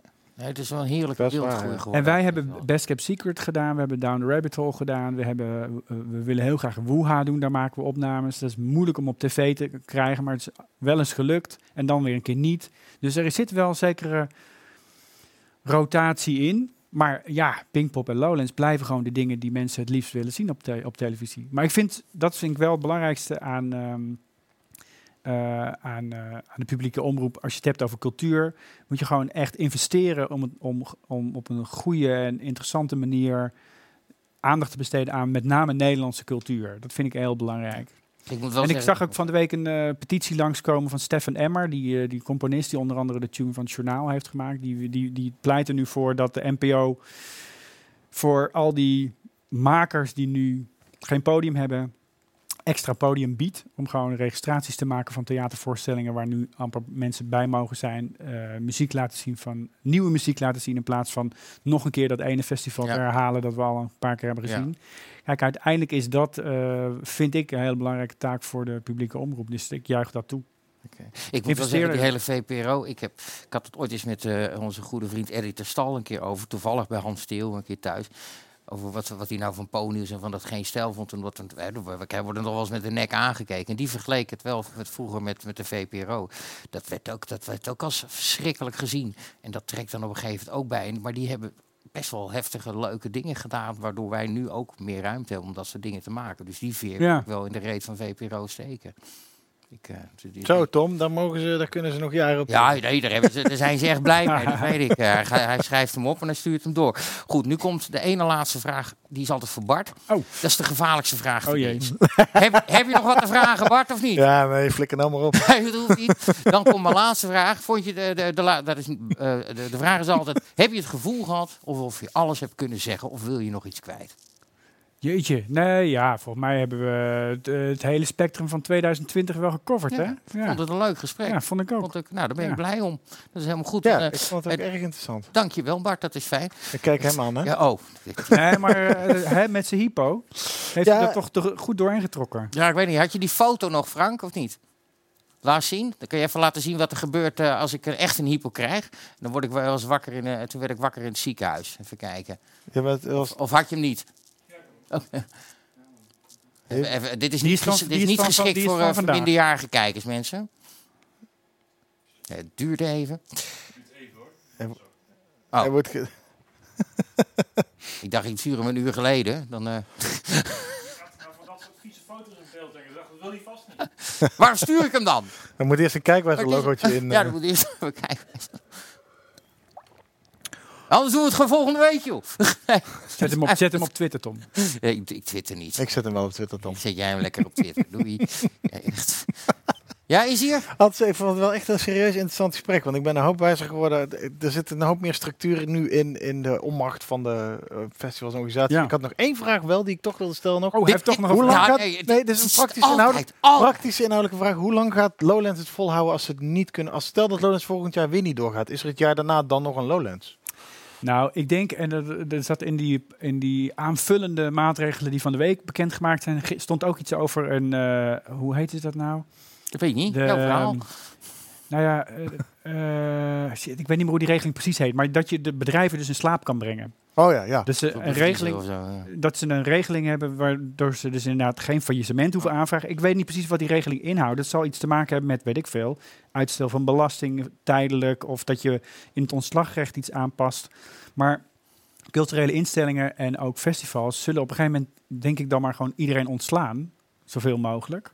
Dat gebeurt natuurlijk deels. En dan nu, afspraken maken met de overheid van als het weer goed komt, dan halen we je uit je winterslaap en dan ga je die mensen weer aannemen. Ga je de mensen weer aannemen dat je, dat je dat bij wijze van spreken moet beloven of zoiets? Dat soort regelingen zijn ze nu aan het, eh, aan het, aan het werken. En dat gaat in Nederland traag en stroperig, zoals arbeidsrecht en heel traag en stroperig. Ja, We hebben maar bescherming zullen die wel nu een moeten. beetje tegen ons werkt. sommige maar dat gaat natuurlijk dan om bedrijven die normaal gesproken gezond zijn, waar niks mee aan de hand is, die gewoon Ja, prima draaien, maar nu door deze omstandigheden geen omzet kunnen draaien.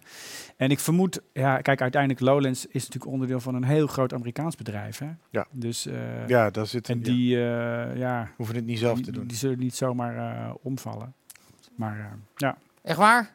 Klaar nu? Klaar? Nee, ik zit Oké, erbij. dan nu even mensen. Neem het serieus. Geen drank, geen drugs en zo. Zeg gewoon nee en geen suikerzieken. Dit gebeurt er bij een hypo als je het echt verkeerd hebt gedaan.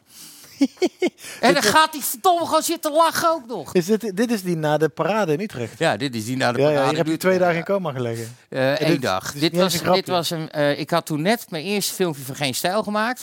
En ik zou mijn tweede filmpje gaan maken. En toen wilde ik naar het Summer of Darkness Festival. Maar dat mocht niet van eh, Geen Stijl. Dus ik, blijf jij maar in bed liggen. En mij leek niks geiler dan uit een doodskist komen op dat festival. En dan met deze bek. Maar dat mocht niet voor jullie. Ja, bloedgeld. Nou, het is echt top. Je krijgt altijd een t-shirt. Dat is namelijk ook een commercieel dingetje. Eh, want eh, die zijn ook te bestellen in de webshop, mensen. www.stijloos.tv met EY. Free the people. Free the people. Voor als, een, een perfect festivalshirt. Voor jou, Adse, super leuk Nou, dat joh, je was. Dank Dankjewel hoor. We doen even zo, hè. We mogen geen handen schudden. Eh, t- ja, top dat je er was. En, Cheers, Adse. proost. Echt, nee, ik vond het echt een heel leuk gesprek. Een verrasselijk. Bart, heb je Ja, eh, nee, ik helemaal nu echt niks meer. ja, daar geloof ik niks van. Maar dat maakt niet uit. Lieve mensen, volgende week donderdag zijn we er niet. Hé, wat vervelend nou. Maar dat komt omdat we er dinsdag zijn. Aanstaande dinsdag om 3 november om 9 uur met Roderick Velo. Met Bart ook erbij. Ik ben er Sorry. zelf bij. Hans Theeuwen is erbij. Theodor Holman. Pieter Omtzigt. Wie mis ik nog? Eh, Geert en Waling. Martijn van Helvert, ook van het CDA. Martijn van En Helvert ook. Constantijn Roelofs, de oude zendgraaf. Oude zendgraaf? Ook aan, aan de bar, ja. Kijk aan. En Zinny Usdeel heb ik ook nog gerucht over gehoord dat hij aankomt waaien, want die is Dat weet je onvermijdelijk. nooit of Als je komt. Geert en Waling krijgt, krijg je Zinny Usdeel erbij. Ja, een Dus soort Basje en Adriaan is dat, hè? Ja, dat is een ja. busje en een Adriaan. Nou, laat ik de grap ook niet maken, want dan win ik alsnog de avond. Bassie en Deuneriaan. We gaan door en dat beloof ik totdat er een winnaar is. Dus de grap wederom, dat kan zomaar januari worden. De USA Election Night, Chips, Nuts, Beer. Volgende week op 3 november, dus op dinsdag om 9 uur. Allemaal afstemmen. Ik heb daar ontzettend veel zin in. Het wordt een ontzettende marathon-uitzending. Ik dank je wel, Adse. Dank je wel, Bart. Dank je wel, kijkers. Tot dinsdag.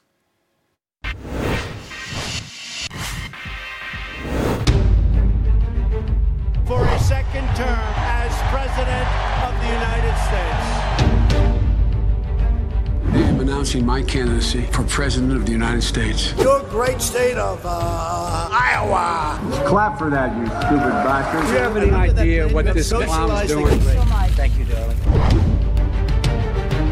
Immigration built this country. We are all immigrants. I've got more Indian blood in me than Pocahontas, and I have none. My son did nothing wrong. I think he did. Mr. President, let him answer. Oh, get me off of this stage! Get me off! Get me off of this stage! Is not a fundraiser. I am once again asking for your financial support.